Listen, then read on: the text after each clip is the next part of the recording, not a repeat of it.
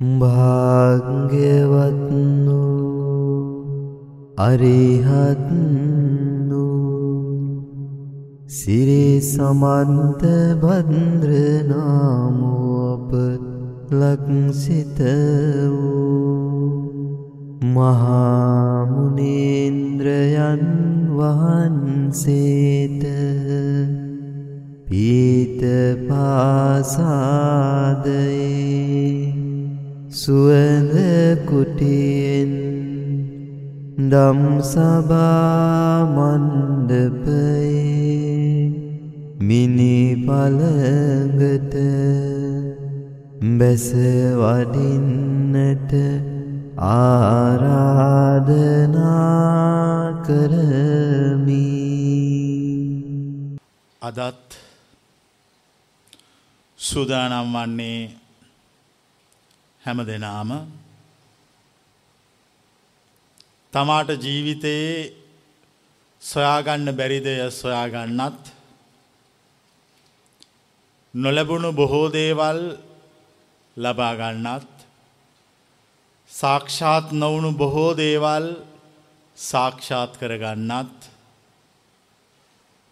බැඳිච්ච බොහෝ තැන් ලිහාගන්නත්. එක තම අපි ජීවිතය කියලා කල්පනා කළේ. බැඳිච්ච බොහෝ තැන් ලිහාගන්න. නොලැබිච්ච දේවල් ලබාගන්න. සාක්ෂාත් නොවෙච්ච දේවල් සාක්ෂාත් කරගන්න. අපට නොතේරිච්ච දේවල් තේරුම් ගන්න. මනුස්සෙක් තමාගේ ජීවිතය ඔය කියපු කාරණය ඉෂ්ට කර ගැනීම වෙනුවෙන් මුළු ජීවිතය තුළම සාපයකට අහු වෙලා ඉවරයක් නිමාවක් අවසනක් නැතුව ගමන් කොන්නවා. ඒ ජීවිතය ඉවර වෙන්නේ කවදක හරි ඒ සාපය ඉවර වෙන්නේ තමාට නොලැබිච්චදේ ලැබිච්ච දවසට. සාක්ෂාත් නොවෙච්චදේ සාක්ෂාත් වෙච්ච දවසට. තමාගේ එතෙක්කල් තිබිච්ච බැඳීම් සමුදාය ලිහිලගේපු දවසට. තමුන්ට නිදහස ලැබෙනවා. තමුන්ට නිවීම ලැබෙනවා. තමුන්ට විමුක්තිය උදා වෙනවා. තමුන්ට සැනසිල්ල උදා වෙනවා. මිනිස්සු සොයන්න විමුක්තිය සැනසීම ඒ ඒ අයට සාපේක්ෂ සීමාවන් තුළ. සත්‍ය සොයාගෙන සත්‍ය ගවේශණය කරගෙනන මනුස්සයා විමුක්තිය සොයනවා එයාට තේරෙන සීමාවක් තුළ. ලෝකයේ පරමාර්ථය අවබෝධ කරගත්ත උතුමෝ මුනිවරු ඒ විමුක්තිය ගවේශණය කරමින් පැමිණෙන මනුෂ්‍යයාට එයාට තේරෙන සීමාව තුළයි විමුක්තිය පෙන්වන්නේ. තේරෙන සීමාව තුළ විමුක්තිය පෙන්වනවා. එයාට නොතේරෙන විමුක්තියක් පෙන්නුවොත් එය අසාර්ථකයි. සාර්ථක වන්න නම් ඔහුට තේරෙන සීමාව තුළ හුට විමුක්තිය පෙන්වේ යුතුයි. තේරෙන සීමාව තුළ විමුක්තිය සොයාගත්තම ඒ විමුක්තිය තමන්ට ප්‍රමාණවත් නැත්තං මනුෂ්‍යයා කරන්න ඊළඟට එතනින් තවපියවරක් ඉස්සරහට තියෙනවා. ආධ්‍යාත්මීය ජීවිතයේ පියවරෙන් පියවර පඩියෙන් පඩිය මනුස්්‍යයෝ නැගගෙන නැගගෙන නැගගෙන ගමන් කරගෙන ඉස්සරහට යනවා. ඒ අතර තමන්ට ජීවිතය ලැබෙන දේවල් පිළිබඳ ඔවුන් කල්පනා කරනවා. සමහර අවස්ථාවලද ලැබිච්ච දෙයින් තෘප්තිමත් වෙනවා. කාලයක් යනකොට ඒක තෘප්තිමත් වෙන මදි වෙනවා. එතකොට ආය අලුත් ගවේශණයක් ආරම්භ කරන්න සිද්ධ වෙනවා. ඒ කියන්නේ ඔහුගේ විමුක්තිය ඔහුට මදි වෙලා. කාටහරි හිතනවනම් තමන්ගේ විමුක්තිය තමුන්ට මදි කියලා ඒ විමුක්තිය අවසන්නෑ. ඒ වගේ මේ පුද්ගලයාගේ සසර අවසනුත් නෑ. ඒ පුද්ගලයා ජීවිතයේ උතුම්ම දේ සාක්ෂාත් කරගෙනත් නෑ. මනුෂ්‍යෝ දෙදෙනෙක් සිටිනවා. එක මනුෂ්‍යයකුට බනිස්ගෙඩියකුයි තේකකුයි දුන්නාම ඒක බීලයා කියනවා මට මේ හොඳටම ප්‍රමාණවත්. මට ආය කවදාකත් කිසිම දෙයක් කන්න අවශ්‍ය නෑ කියලා. අනිත් මනුෂ්‍යයට ඒක මදී. එතකොට ඔහුගේ හිත තුළ අලුත් බලාපොරොත්තුවක් තව කෑම වේලක් පිළිබඳව හට ගන්නවා. මම ඔබට කියනවා මනුෂ්‍යයාගේ විමුක්ති ගවේශණයත් ඒ වගේ කියලා. ප්‍රශ්නය තියෙන විමුක්තිය නෙමෙයි ඉවර කරන්න බැරි සන්තෘප්ත කරන්න බැරි අවසානයක් නොපෙනෙන ආශාවල් සමූහයේ. මිනිස්සු හැමදාම ජීවිතය ආදරය කරන්නේ ආස කරන්නේ භෞතික සම්පත්වලට. මනුෂ්‍යකුට අහන්න ලැබුණොත් ලෝකෙ පරමාර්ථයක් තියයි කියලා ලෝකෙ භෞතිකත්වය ඉක්මවාගේ ලෝකෝත්තර ස්වභාවයක් තියයි කියලා එදා ඉඳලේ මනුෂ්‍යයායි ලෝකෝත්තර ස්වභාවයට ආදරය කරනවා ලෞකික හැඟීම් සමුදායෙන්ම. එතකොට ඔහුට ලෝකෝත්තර යට හිත කැමති වුණාම හිත බැඳුනහම ඔහුට ඒ ලෝකෝත්තරය සොයන්න පටන් ගත්තාම ඔහුට ලෝකෝත්තරය මදී කියලා හිතෙනවා. මං ඔබට කියනවා ඔබට මදී කියලා හිතනකම් ඔබට සොයන්න වෙනවා කියලා. ඇති කියලා හිතිච්ච දවසට ඔබේ ගවේශණය ඔබ අවසං කරනවා. විමුක්ති මාර්ගයේ අවසානය සාක්ෂාත්වීම නෙමෙයි විමුක්ති මාර්ගයේ අවසානය සන්තෘප්ත වීම. කොබලන් මං කීපු කාරණය පැහැදිලි වෙච්චයි. සාක්ෂාත්වීමෙන් අවසං කරන්නවට වඩා ලේසි සන්තෘප්තවීමෙන් අවසං කරනවා. මනුෂ්‍ය සාක්ෂාත්වීමෙන් තෘප්තිමත් වන්නේ තෘප්තිමත්වීමෙන් තෘප්තිමත් වෙනවා. සන්තෘප්තවීමෙන් තෘප්තිමත් වෙනවා. කෙනෙකුට පුළුවනම් පුංචි දෙයක් ලැබුණ හම එය ප්‍රමාණවත් කියල හිතන්න ඔහු තෘප්තිමත්. ඔහුගේ ගමන අවසන්. කුඩා කාර එකක් අපි කඩේකට ගිහිල මිලදී ගන්නවා. ඒ අපි දෙනවා කුඩා ලදරුවෙකුට. ඒකෙන් ඔහු සෙල්ලං කරනවා. ඉටවස අපි ඕගෙන් අහනවා ඔබට අවශ්‍යද ලොකු කාර එකක් කියලා. එළම අපට කියනවා මට ලොකු කාර එකක් අවශ්‍ය නෑ. මට මේ පුංචි කාරක හොඳටම ප්‍රමාණවත්. ඔහු තෘප්තිමත්. මං දෙසන මාර්ගයත් එසේමයි. පුංචි දෙයකින් තෘප්තිමත් වෙන්න ඕන. දැන් අපට තින ඊළඟ ප්‍රශ්නය ඇයි අපේ සිත පුංචි දෙයකින් තෘප්තිමත් නොවෙන්නේ. මං අපට උපමා දෙකක් කියනවා.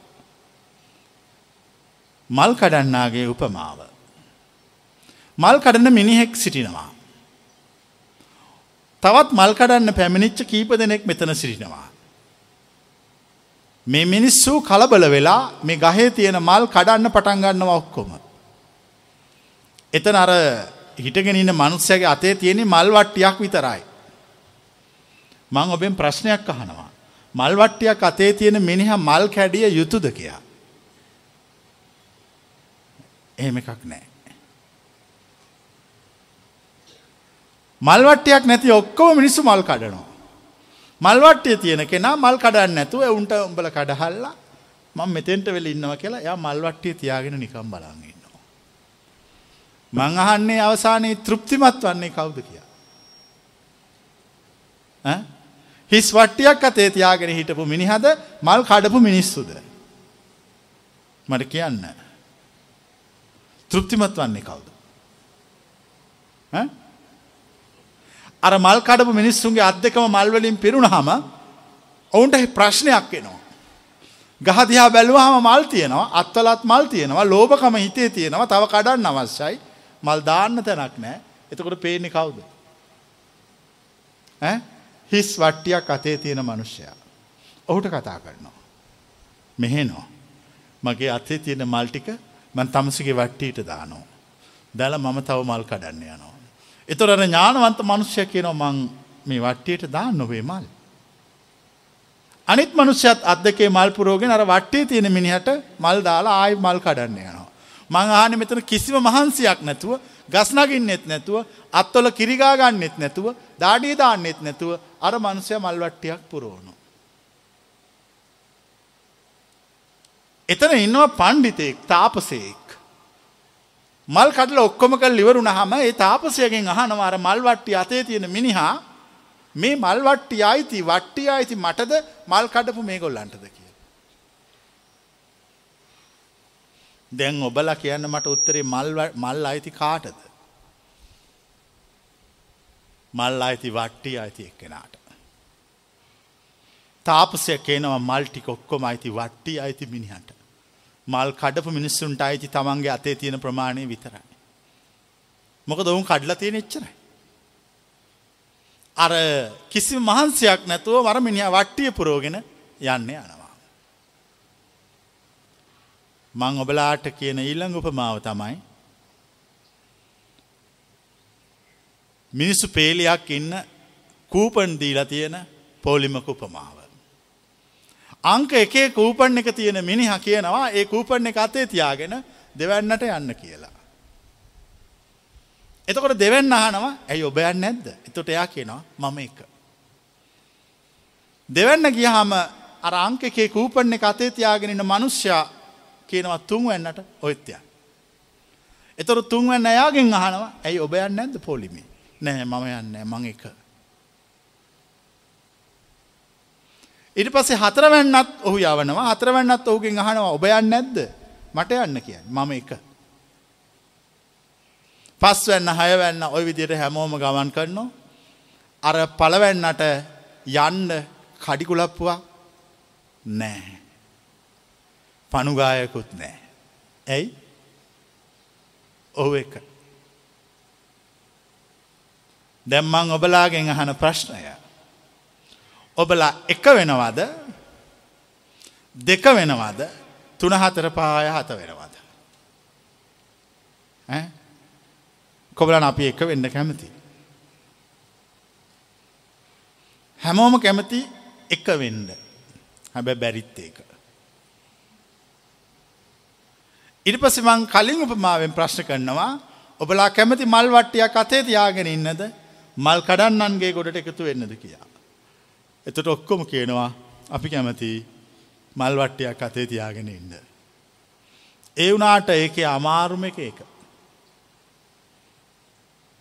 අර පෝලිමේ අංක එකේ කූපන් එක තියාගෙන අංක දෙකෙක් කෙනාට යන්න කියන එක් කෙන ඉතාම ශ්‍රේෂ්ඨයි ඔහුළඟ හොඳ ඉවසීමක් තියෙනවා. ඔවුළඟ ආත්ම දමනයක් තියෙනවා.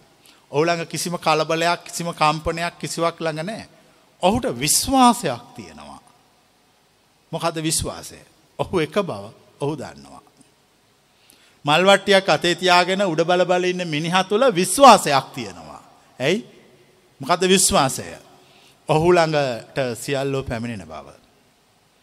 ඒ දෙන්නට එ දෙක විශ්වාසයි. මන්දැන් ඔබෙන් ප්‍රශ්න කරනවා.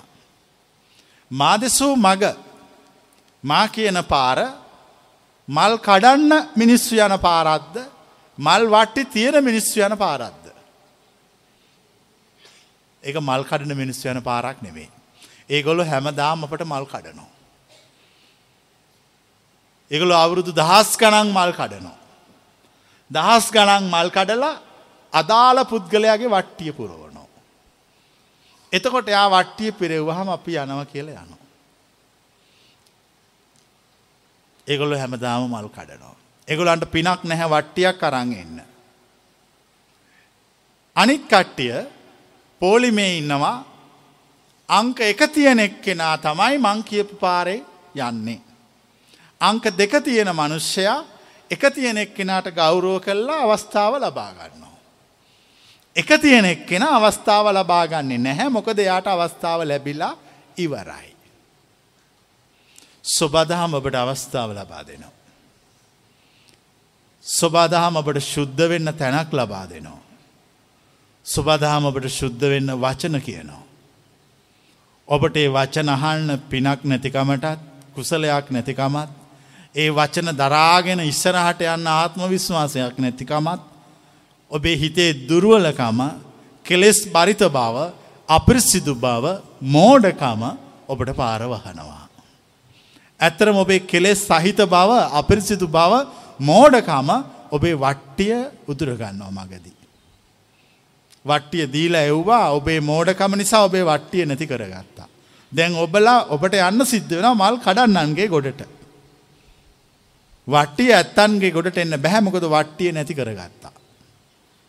දැම්මං ආනවා ප්‍රශ්නයක්. මල් වට්ටියක අයිතිකාරයෙක් වීම සඳහා කළ යුතු දේ කුමක්ද. එක දෙය කරන්තේ. මල්වට්ටියක අයිතිකාරයෙක් වෙන මාර්ගය මල්වට්ටියක අයිතිකාරයෙක් වෙන පාර මල්වට්ටියක අයිතිකාරයෙක් වීම සඳහා කළ යුතු දෙය අපි ඉතාම පැහැදිලිව දේශනා කරනවා. එතකොට ඒදේ කලාම ඒදේ තේරුම් අරගෙන ඒදේ ප්‍රත්‍යක්ෂ කරගෙන ඒදේට අවශ්‍ය කරන ශක්තිය ඒදේට අවශ්‍ය කරන ජවය හා ඒදේට අවශ්‍ය කරන මනසෙහි තිබිය යුතු අවබෝධය තියාගන්න කෙනා ජීවිත අවබෝධයට පත්වෙනවා. මල්වට්ටියක් අතේ තියෙන මිනිහෙකුට අවශ්‍ය කරන්නේ ශ්‍රද්ධාවක් විතරයි. ඔබේ මල්වට්ටිය තම ඔබේ ශ්‍රද්ධාව. ඔබේ අංක එකේ කූපන් එක තමයි ඔබේ ශ්‍රද්ධාව. එක දෙක වෙච්ච වෙලාවට ඔබට අවස්ථාව සුබාදහ මහිමි කොන්නවා. අපි තව එක පැහැදිලි කොන්නවා. එක දෙක වෙච්ච වෙලාවට අවස්ථාව සුබාදහ මහිමි කොන්නවා. මොකක්ද එක දෙක වෙන වෙලාව. මට මම් පිළිබඳව මං වඩන විමුක්ති මඟ පිළිබඳව අවිශ්වාස වන වෙලාව. යම් වෙලාවක මට මං මෙතෙක්කල් වඩපු විමුක්ති මඟ අවිශ්වාස වෙනවනං එතකොට මගේ කූපන් එක අංක එක දෙක වෙනවා. යම් කාලයක් මං විමුක්ති මඟ වඩනෝ. ඒ මං වඩපු විමුක්ති මඟ මට අවිශ්වාස වෙන වෙලාවට මගේ වට්ටිය තවත් කෙනෙක් ඉල්ලගන්නවා. මට එතකොට දීපු කෙන්න හමතකයි. ඒකැනේ වට්ටියමට ආය කවදක්කත් හම්බ වෙන්නේ නැහැ. මතක තියාගන්න ස්වබාදහාම හැමතිස්සෙම අවසර දෙන්නේ ගැලවීම සඳහා ඔබට පාරපෙන්වන්නේ තවත් කෙනෙකුගේ පාසටහනක් මතින් යන්න මිසක් ඔබට අලුතෙන් පාසටහනක් තියන්න නෙවෙයි. කොබලන්න එක තේරිච්ච. අපි පොකුණකට බහින්න ලෑස්ති වෙනවා. හැමෝම කෙනව මේ පොකුණ ඉතාම් භයානකයි කියලා. ඒනට අපට පොකුණට බහින්න ඕන. එතුර අපි කියන කොච්චර භයානකුණත් මේකට මට බහින්න ඕන. එතකොට මම කියනවා කොච්චර භයානකුණත් මම මේකට බහිනවා මම අලුත් පාසටහනක් තියල බහින්න මං මීට කලින් බැහැපුවක් කෙනෙක් පාසටහනක් හොයෙනවා. එතවට අපට පේනවා කෙනෙක් පොකුණට බෑහු පාසටහා. හා නැවත පොකුණෙන් ගොඩට ආපු පාසටහා. මං ගිහිල්ල ඉස්සෙල්ල මොහු බැහැපු පාසටහනකට මගේ කකුල තියාගන්නවා. මංකොයි වෙලාවත් අලුතෙන් පාසටහනත් තියන්න යන්නේ. ඇයි එතන එරෙ නව වෙන්න පුළුවන්. එතන කටු තියනෝ වෙන්න පුළුවන්. එතන භයානක සත්තු ඉන්නෝ වෙන්න පුළුවන්. අලුත් පාසටහනත් තියන්න ගියොත්. මං හැමතිස්සෙම පරණ පාසටහනටම කකුල තියෙනවා. දැන් ඔබට මම කියනවා පරණ පාසනහත් පාසටහන්ට කකුල තියන්න කියලා. ඒ ඇන මම කියනවා වචන පසුපස පැමිණෙන්න කියලා. කෙනෙක් මාදෙස්සු වචන පසුපස පැමිණෙනවා. මං ඔබෙන් ප්‍රශ්නයක් අහනෝ. ඔබ මාදෙස්සු වචන පසුපස පැමිණෙන විට ඔබ ළඟ තියෙන වචනය කුමක්ද කියා. ඇත්තනම කෙනෙක් වචන පසුපස පැමිණෙන පැමිණීමට කලින් ඔහු ගොලු විය යුතුයි. හේතුව කියන්.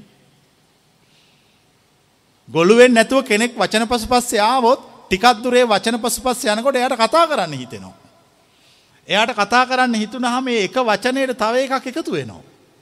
තව එකක් එකතු වෙච්ච ගමන් අර එක වචනයෙන් නැගෙන ශුද්ධ ස්වරය අශුද්ධ වෙනවා.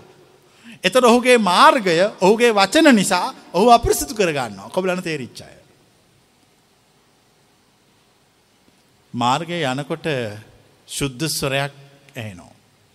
ඒ ශුද්ධ ස්වරය සවන්දීමට ඇත්තටම කැමති කෙනා විසින් ගොලු වේ යුතුයි.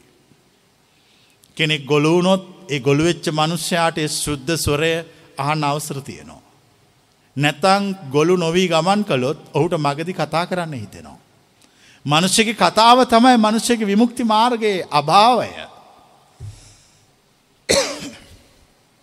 අර කතාවක් මං ඔබට කියනවා. කොක්කු දෙන්නෙක් එක්ක ගමනක් ගියාලු කවුද ඉබ්බෙක්. මේ ඉබ්බයි කොක්කු දෙන්න උඩ යනකොට කොල්ල වගේයක් පල්ලයා සෙල්ලං කරනවලු.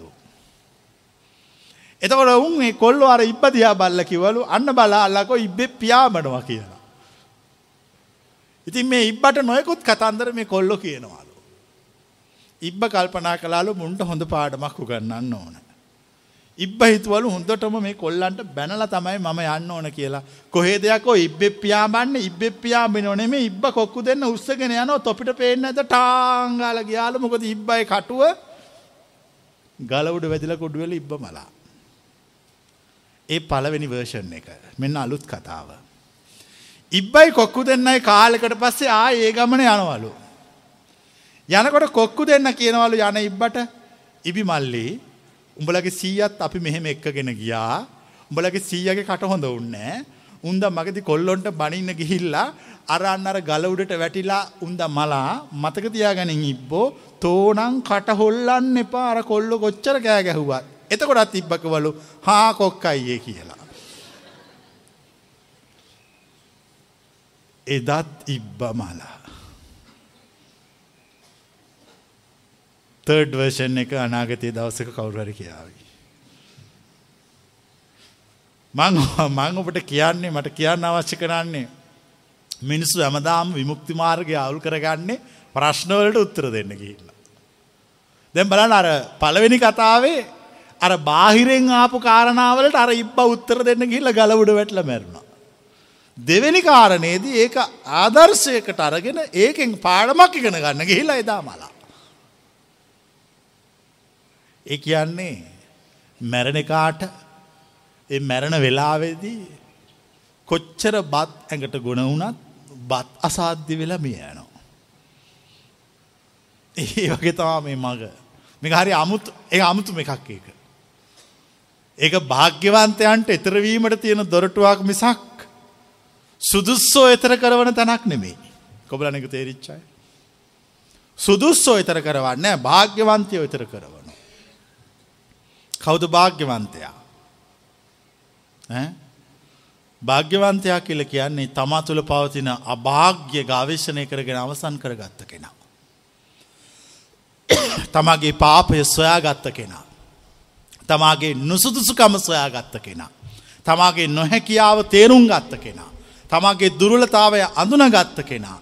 තමා තුළ සිටින තමා පිළිබඳව ප්‍රත්‍යක්ෂ කරගත්ත කෙනා හා තමා තුළ සිටින තමා නැතිකර ගැනීමට කැමැත්තෙන් සිටින්නා භාග්‍යවන්තයි. භාග්‍යවන්තයාට දොරටු විවෘත වෙනවා. අභාග්‍යවන්තයා දොරටුවෙන් ඉවත් කොන්නවා. භාග්‍යවන්තයාට දොරටු විවෘත කර ගැනීමට ඔබ කළ යුතු එකමදය ඔබ අභාග්‍යවන්තයෙක් වීමට සුදුසු පාරය ගමන් කළ යුතුයි. එවිට ඔබ භාග්‍යවන්තයෙක් බවට පත්වෙනවා. මනුස්සයගේ වාසනාව තියෙන වාසනාව තුළ නෙමේ අවාසනාවහි තේරුම්ගත් ප්‍රමාණය තුළ. මනුස්සගේ දක්ෂතාවය කියල කැන්න ඔහුගේ දක්ෂතාවේ නෙමෙයි ඔහුගේ නොහැකියාව ඔහු තේරුම් ගත්ත ප්‍රමාණය. මනුස්සගේ උගත්කම කියල කියන්නේ ඔහුගේ උගත්කම නෙමෙයි ඔහුගේ නූගත්කම ගැන ඔහු දන්නා ප්‍රමාණය. මනුස්සේගේ කුසලතා පරිපූර්ණ බව කියන්නේ ඔහුගේ කුසලතා සමූහය නෙමෙයි ඔහුගේ අදක්ෂ බව පිළිබඳව ඔහු තේරුම් අරගෙන ඉන්න ස්වභාවය. මමට කියනවා ඉතරවීමට අවශ්‍ය කරන්න තේරුම් ගත යුතුයි ගමනෙහි දුස්කර බවත් නොහැකියාවත්. ඔහු එතරවීමට භාග්‍යවන්තයි. ඔහුට සුදුසුකම් කිසිවක් නැහැ. සුදුසුකම් කිසිවක් නැති වුණට ඔහුගේ නුසුදුසුකම්ටික ඔහු දන්නවා. කොබලන් මේ කියනක තේරෙනයි. මගේ නුසුදුසුකම් මම දන්නවා. මගේ නොහැකියාව මම දන්නවා. මගේ නොහැකියාව මම හොඳට තේරුම් අරගෙන ඉන්නවා. ඒ නිසා මගේ නොහැකියාව මම සඟවන්න මගේ නොහැකියාව විවෘත කොන්නවා. මගේ නොහැකියාව විවෘත කළහම සමාජයට ඉල්ලන්නේ හැකියාව දක්ෂක මහා කුසලතාවය. නොහැකියාව මම විවෘත කරනකොට මිනිස්සු මට දොස් කියනවා. මිනිස්සු මාව ප්‍රතික්ෂේප කරනවා. මිනිස්සු මට නින්දා කරනවා. නමුත් මට අවශ්‍ය කළේ නොහැකියාව විවෘත කරන්න. ඒ මගේ භාග්‍යවන්ත භාවය හා මගේ මං ගමන් කන මග මන් සොයන විමුක්තිය. එනි සම්මන් නොහැකියාව විවෘත කරනවා. මගේ බැරිකම කියනවා. බැරිකම කිව්වාම ඒ බැරිකමට මට ස්වබදහම උත්තර දෙනවා. මට මතකයි මං පුංචි කාලේ බෙහෙත් ගන්න ගියා වෙදෙක් ළඟට. මට එතකොට අවුරුදු පහළවක් විතර ඇති. මංගේ වෙදමාත්‍ය ළඟට ගිහිල්ලා වෙදමාත්‍ය ළඟ පුටුවක් තිබුණා. මං ඒ පුටුවේ වාඩි වෙලා කිව්වා වෙදමාත්‍යා මගේ අතපය හරියට කැක්කුමයි කියලා. ආච්චිලා එහෙම කියන්නේ ආච්චිල ආත්තල මුත්තල කියන්නේ. හරියට මේ අතපය කැක්කුමයි මේ දනිස්ස රිදෙනවා මේ පිට රිදෙනවා මේ ඔළුව කැක්කුමයි මේ බඩ රිදෙනවා ඇඟපත ඔක්කොම දනවා කැක්කුමයි ඔහොම කියලා මහා ලෙඩ විස්තරයක් ඒ වෙදාට මම කිව්වා. ඒ වෙදා කණ්ණාඩියක් මෙහෙම දාගෙන හිටියා. මෙහෙම චුට්ටක් ඉස්සුවා. උසල මන්දියා බලලා ආයි බෙහෙත් තුණ්ඩුවක් ලියන කතට අරගෙන මට කියනවා වයසට ගියාම හොම තමයි.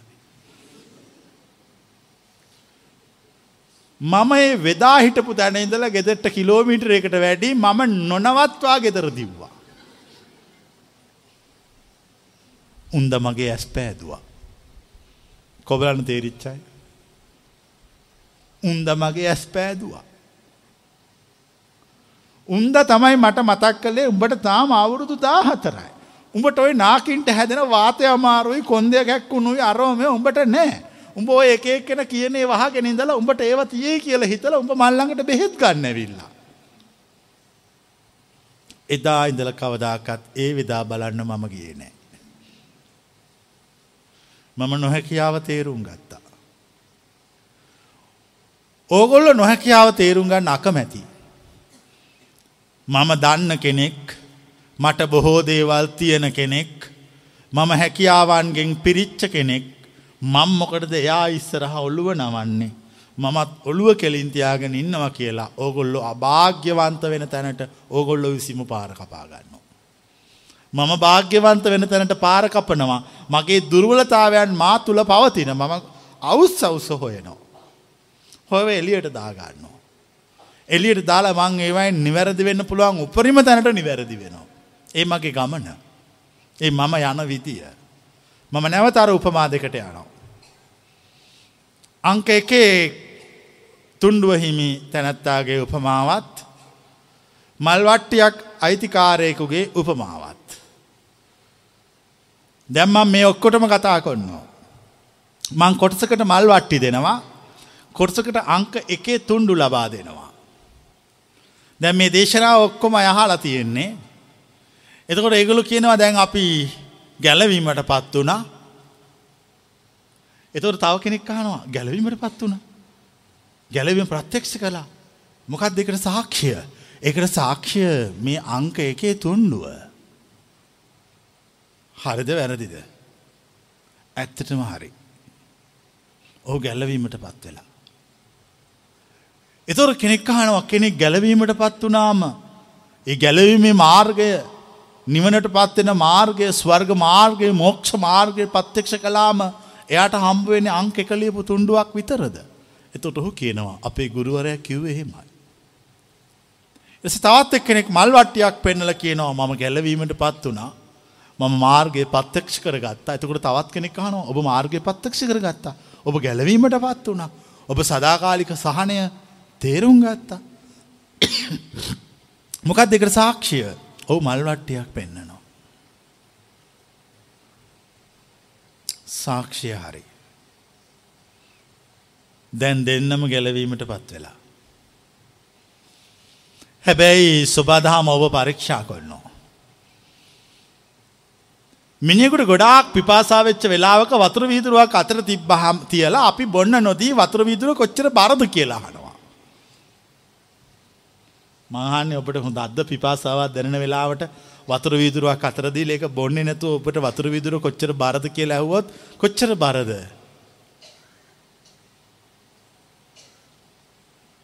කිසිම බරක් නැහැ කියන යතුස්ස. කතුස්සන්න. මම ඔබේ ජීවිතය ගැන අහන්නේ. මහා ලොකු ධර්ම මේ සූවිසි ප්‍රාප්තිය එය මේ වහන්නේ නෑ මේ අහන්නේ මේ පුංචි දෙයක් ගැන අහන්නේ. හුඟාක් පිපාසාවත් තියෙන වෙලාට කෙනෙක් වතුර වීදුරුවක් අතේ තියලා බොන්න එපා මම ප්‍රශ්නයක් අහනවා මට උත්තර දෙන්න මේක කොච්චර බරද කියලා අහනවා. මං අහන්නේ ඒක බර නෑ කියලා කියන අත උස්සන්න. හොඳට උස්සන්න. මේක බරයි කියන අත උස්සන්න. එතකොට අපේ ළඟ ඉන්න එක්කෙන කියනවා ඕකුඹට බරයිද එහෙනම් දීහම් මං අල්ල ගන්න කියලා යාල් අතට ගන්නවා. ඒ කියන්නේ යාට වතුර නැහැ. කොබලන එක තේරිච්ච අය. මිනිහෙකුට තද පිපාසාවක් තියෙන වෙලාවට ඒක බර නැහැ. ඒකේ බර තේරෙන්නේ නැහැ. මොකද ඒ බරට වඩා අවශ්‍යතාවය වැඩි. දැන් එයාට ඒ වතුර බර නෑ යා ඒක බීගෙන බීගෙන ගිහලා එයාගේ විපාසාව තෘප්තිමත් කරගන්නවා.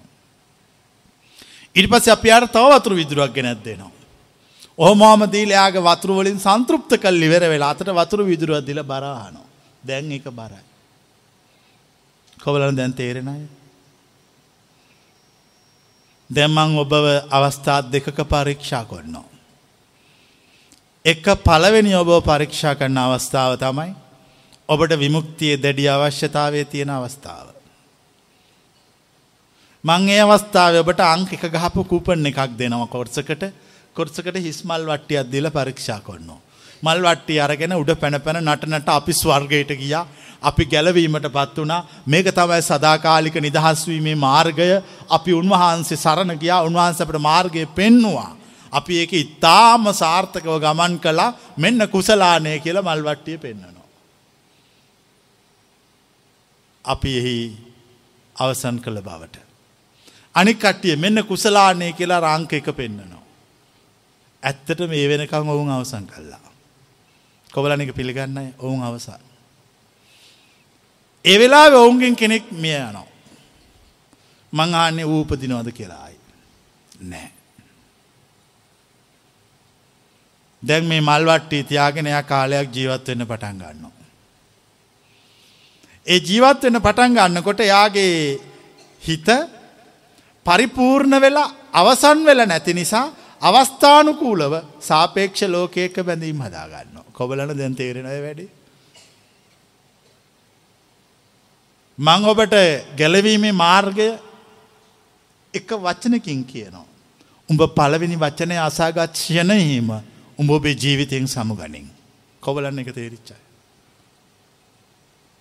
එයාගේ පාරය එය ඉවර ඇත්තටම. පළවෙනි වච්චනය අසාගත් ෂණෙහි ජීවිතෙන් සමුගන්නකොට ඒ මාර්ගයේ ඉතුරු ටික සමුගන්න අතර වඩල ඉවර කරනවා. කොබලන්න එක තේරෙනය.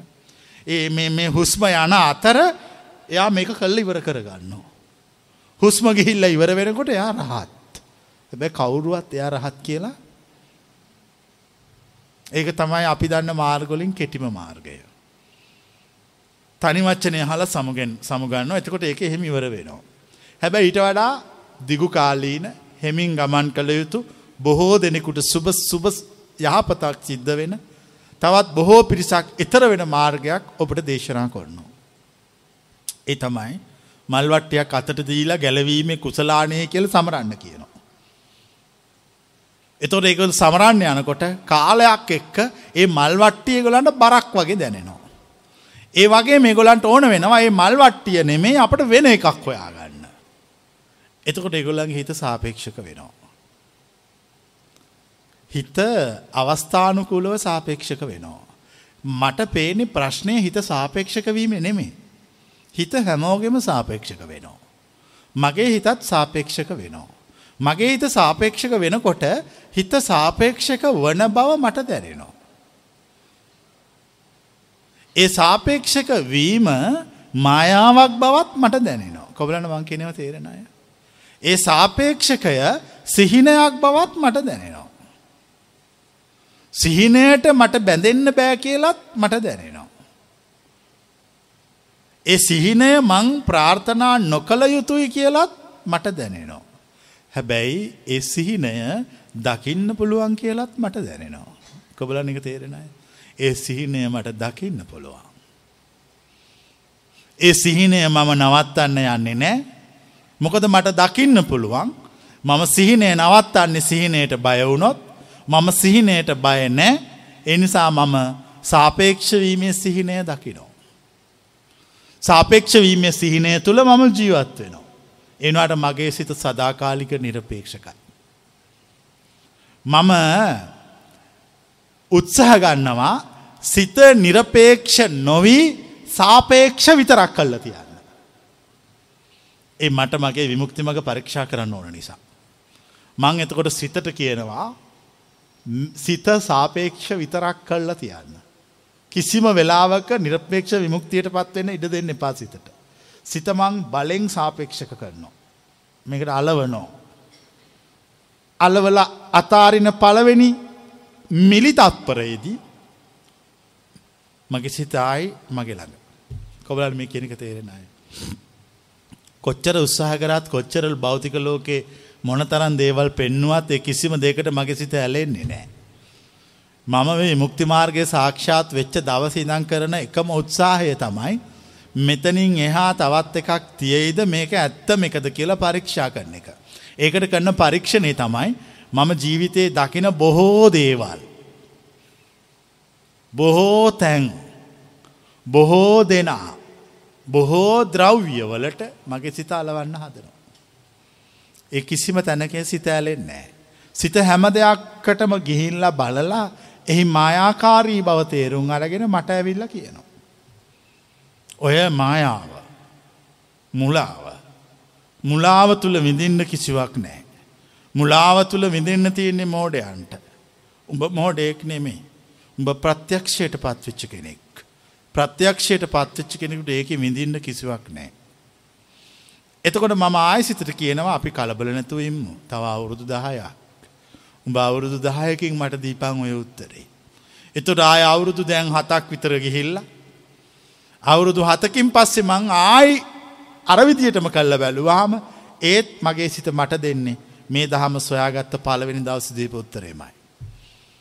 ඒ ඇන්නේ මගේ වයස අවුරුදු හතයි. ඒ දහම හරියටම හරි.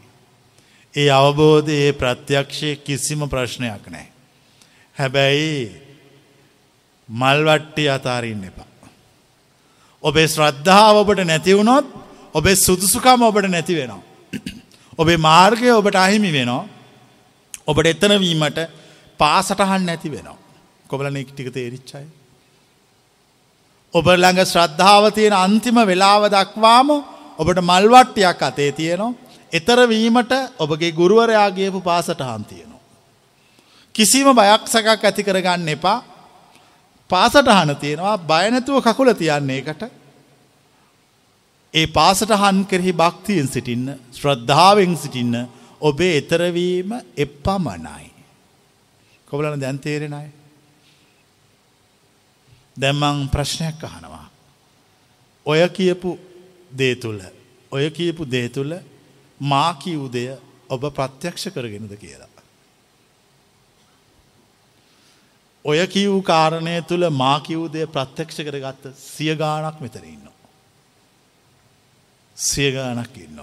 දැන් ඔ කලබල වෙන්න එපා. දැ මල්වට්ටියරක නටන්න පටන් ගන්න එපා.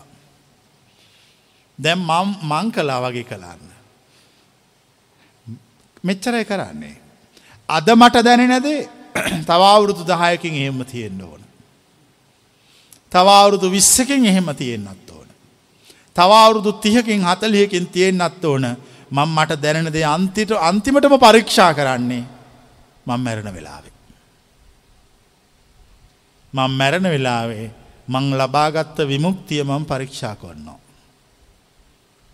ඒක පරීක්ෂා කලාම මං විමුක්තියට පත්වෙච්ච පලවෙනි දවස පරීක්ෂණය ප්‍රතිඵලයම මගේ විමුක්තියෙහි අවසාන දවස ප්‍රතිඵල ලෙස ලැබිය යුතුයි. ඒ දෙකම එකයි. ඒ දෙකේ ප්‍රතිඵල එකයි. ඒ දෙකේ දැනෙන ස්වභාවය එකයි. මං ඔබට කෙනවා ඔබට විමුක්තිය ප්‍රත්‍යක්ෂ වෙච්ච දවසයි ඔබේ ජීවිතය අවසන් දවසයි දෙකම එකයි. දෙකම එකයි. අපි හලතිනව බුද්ධ චරිතයේදී ආනන්ද තෙරුන් වහන්සේ බුදුහාමුදුරන්ගේ අවසන් රාත්‍රියලදී උන්වහන්සේ ළඟට ගිහිල්ලා උන්වහන්සේට වස්ත්‍ර දෙකක් රත්තරන් සලු දෙකක් පොරවල කියනවා ඔබ වහන්සේගේ ශරීරය ඔබ වහන්සේගේ චීවරය අද දිලිසෙනවා කියලා. එතකොට කියන ආනන්ද දවස් දෙකක දිලිසෙනවා ආනන්ද මගේ අවසන් දවස හා මං අවබෝධයට පත්වෙච්ච කලින් දවසේ රාත්‍රිය. ඊට පස්සේ චුන්ද කර්මාර පුත්‍රයාගේ දානෙ වළඳලා ලෝහිත පක්කන්තිකාරෝගය වැඩි වුණාම කියනවා දාන දෙකක් සමානයි. සුජාතාව දුන් දානය හා සුචුන්ද කර්මාර්ගගේ දානය ඔබට මංකිවූදේ දැන් තේරුම් ගන්න. විමුක්ති මාර්ගය පරීක්ෂා කලාම කවද පරීක්ෂා කළත් මුල පරීක්ෂා කළත් අවසානයේ පරීක්ෂා කළත් ප්‍රතිඵල එක. ප්‍රතිඵල එකනං ගැලවීම ගැලවීම තමයි ඒක. ශුද්ධවීම තමයි ඒක. එතොර කෙනෙක් කියන පුළන් දැ මගේ අතේ මල්වට්ටය තියනවා. මල්ලඟ ශ්‍රද්ධාව තියනවා. හැබැයි මල්ලඟ කුණු තියෙනවා. කොබලන ඒකට එකඟ අය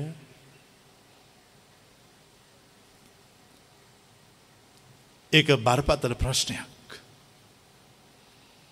එතුර කෙනෙක් ඇවිල මට කියනව මට ඔබ කෙරෙහි අසීමිත ශ්‍රද්ධාවක් තියෙනවා. ඒ ශ්‍රද්ධාව මා මේ වචනහලා ඇතිකරගත දවසිඳලා අද වෙනකං කිසිම වෙනසකට පත් වෙලා නෑ. හැබැයි මල්ලඟ කුණු තියෙනවා. එතකොට මං ඔහුගෙන් මෙහෙම හනවා. හුඟාක් සුවඳ තියෙන හඳුන් වෘක්ෂයක් හැදෙන්නේ හඳුන් ගහක් උඩද අසූචි මළමුත්‍ර ගොම වැටිච්ච පෝර ගොඩක් තුළද කියලා. මට උත්තර දෙන්න. මහා සුවඳ හඳුන් ගහක් හැදෙන්නේ තව හඳුන් ගොඩක් උඩ නෙමෙයි. අසූචි මළමුත්‍ර ගොම දිරච්චක් පිදුරු කොල තියෙන කුණු ගොඩක් උඩ. එතුර මං ඔබෙන් අහනවා ඔබේ සඳුන් ගස සඳුන් ගසක් මත සැදුනේද ඔබේ සඳුන් ගස අසූචි මළමුත්‍ර ගොම පිදුරු කොළවලින් පිරිච්ච තැනක සැදු හැදු නේද කියා. එතර ඔහු කියනවා මං වගා කරගත්තු හඳුන් ගස අසූචි මළමුත්‍ර ගොම පිදුරු තියෙන තැනක හැදිච්ච එකක්. මං කියනව ඇතකොට ඔබේ සඳුන් ගසට මම ආශිර්වාද කරනවා. මං සොයපු සඳුන් ගස එක තමයි.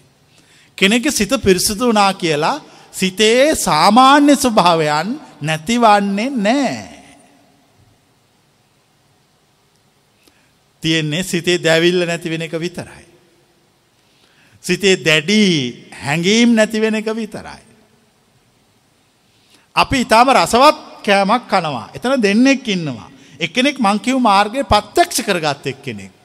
ය පත්්‍යක්ෂ කළ අවසං කරපු එක් කෙනෙක්. අනිත් එක්කෙන ප්‍රත්‍යක්ෂ කරපු එක් කෙරෙන්නේ මොහු සාමාන්‍ය මනුෂ්‍යයෙක්. ඔවුන් දෙන්නම මේ කෑම එක විදියට කනවා එක විදියට රස විඳිනවා. දැන් ඔවුන් රසවිඳින උපරිම අවස්ථාවේ මේ කෑම කවුරු හරි උදුරගෙන යනවා. දැන් මං ඔබෙන් අහනවා මේ කෑම වෙනුවෙන් අරගල කරන්නේ කවුද?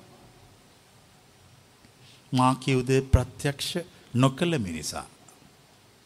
ඇයි? ඔහුට අර රස අමතක කරගන්න බැරුව ඔහු දඟලනවා. ඒකෙත් ඔහුට තියෙන ප්‍රශ්නය උපරිම අවස්ථාවේ අරන් ගියේ. මා කිව්දේ ප්‍රත්‍යක්ෂ කළ මිනිසා කියනවා මට උගන්නලා තියෙන්නේ උපරිම අවස්ථාව නැතිවෙන්න ඕන කියලා. ඉති මට ඒක වුණානේ. ඉති මං ඒකට සතුටුයි. ඒක තමයි මට උගන්නපු පනිවිඩ. එක තමයි මං සොයාගත්ත ගැලවීම. ඒක තමයි ශුද්ධවීමේ මාර්ගය. පිරිසිදු වෙන පාර එක තම මම දන්න නිවන.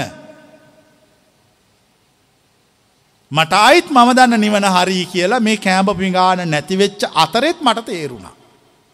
උඹ අඩනවා මම හිනා වෙනවා. කොබලන මේ කතාව තේරෙනයි. එතොට ඒ මිනිස දෙන්නගෙන් අර හිනාවෙන මිනිහ පෙනල මම කියනවා මෙන්න මෙයා මාකිවූදේ ප්‍රත්‍යක්ෂි කර ගත්තා. මෙයාට මා කියන දේ තේරෙනවා. මෙයට අහිමි වුණා මෙයා හිනා වෙනවා. මෙයාගේ වටිනාමද අහිමි වුණා මෙයා හිනා වෙනවා. මෙයා ජීවිතය රසවිඳින උපරිම තැනදී මෙයා හිනා වෙනවා. මිනිසෙකුගේ ජීවිතයේ උපරිම වින්දනීය තැනදී ඒ වින්දනය අහිමි වුණාම ඒ මනුසර කිසිම මූුණෙහි අකමැත්තක් නැතුව ඉන්නවනං ඒ මනුස්්‍ය මංකිව් මග ප්‍රත්‍යක්ෂ කරගත්ත කෙනෙක්. ය ප්‍රත්‍යක්ෂ කල්ල ඉවරයි. කෙනෙක් තමාගේ ජීවිතය තුළ උපරිම වින්දනීය තත්ත්වයට හිත පත් වෙනකොට ඒක එක පාර නැති වුණා කියලා යාට කිසි ප්‍රශ්නයන්න. එයා මාකිව් මග තේරුම් ගත්ත කෙනෙක්. මාර්ගයේ තියෙන්නේ බොහෝ භයානක හා කරන්න බැරි අමාරු දේවල්.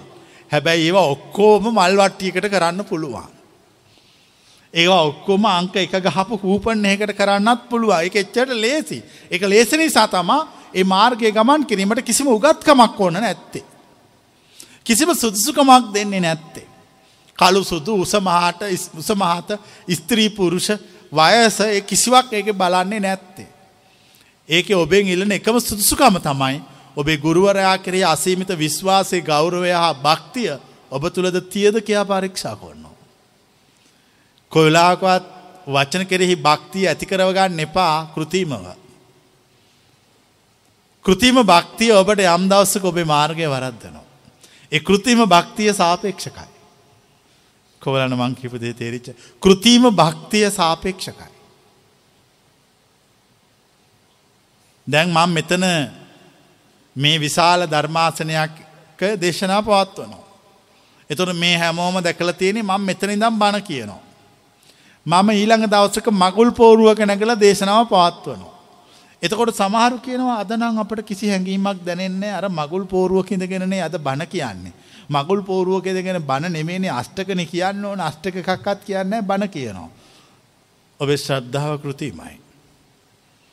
මගුල් පෝර්ුවය වුනත් කියන්නේ මේ වචන නං ඒ තමයි ධර්මාසනය.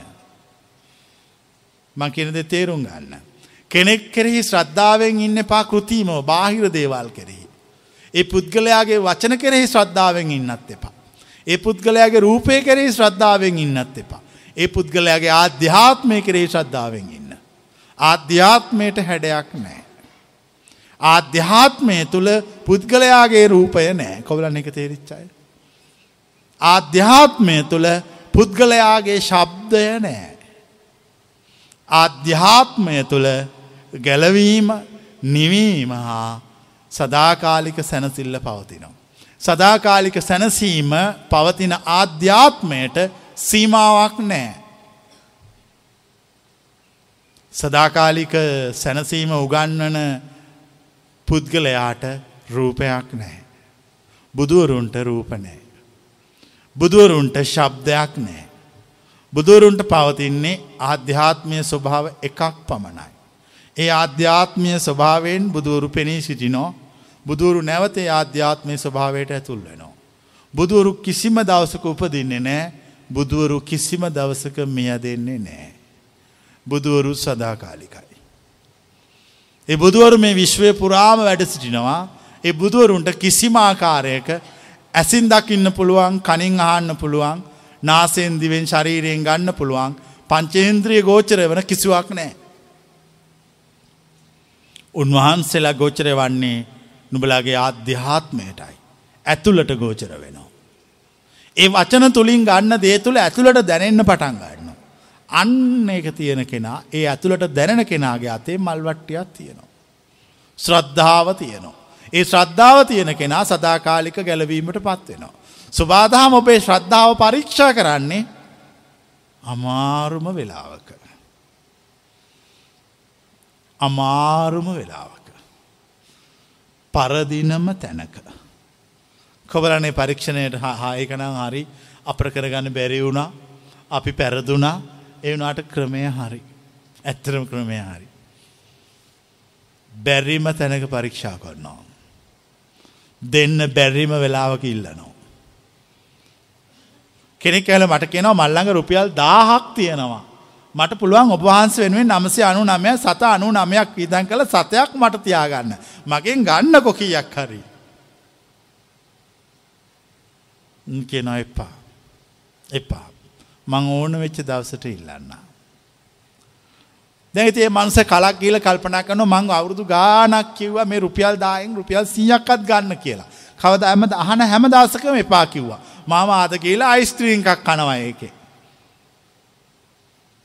නැත්තම් මේක මටත් නෑ ඌටත් නෑ අන්තිමට.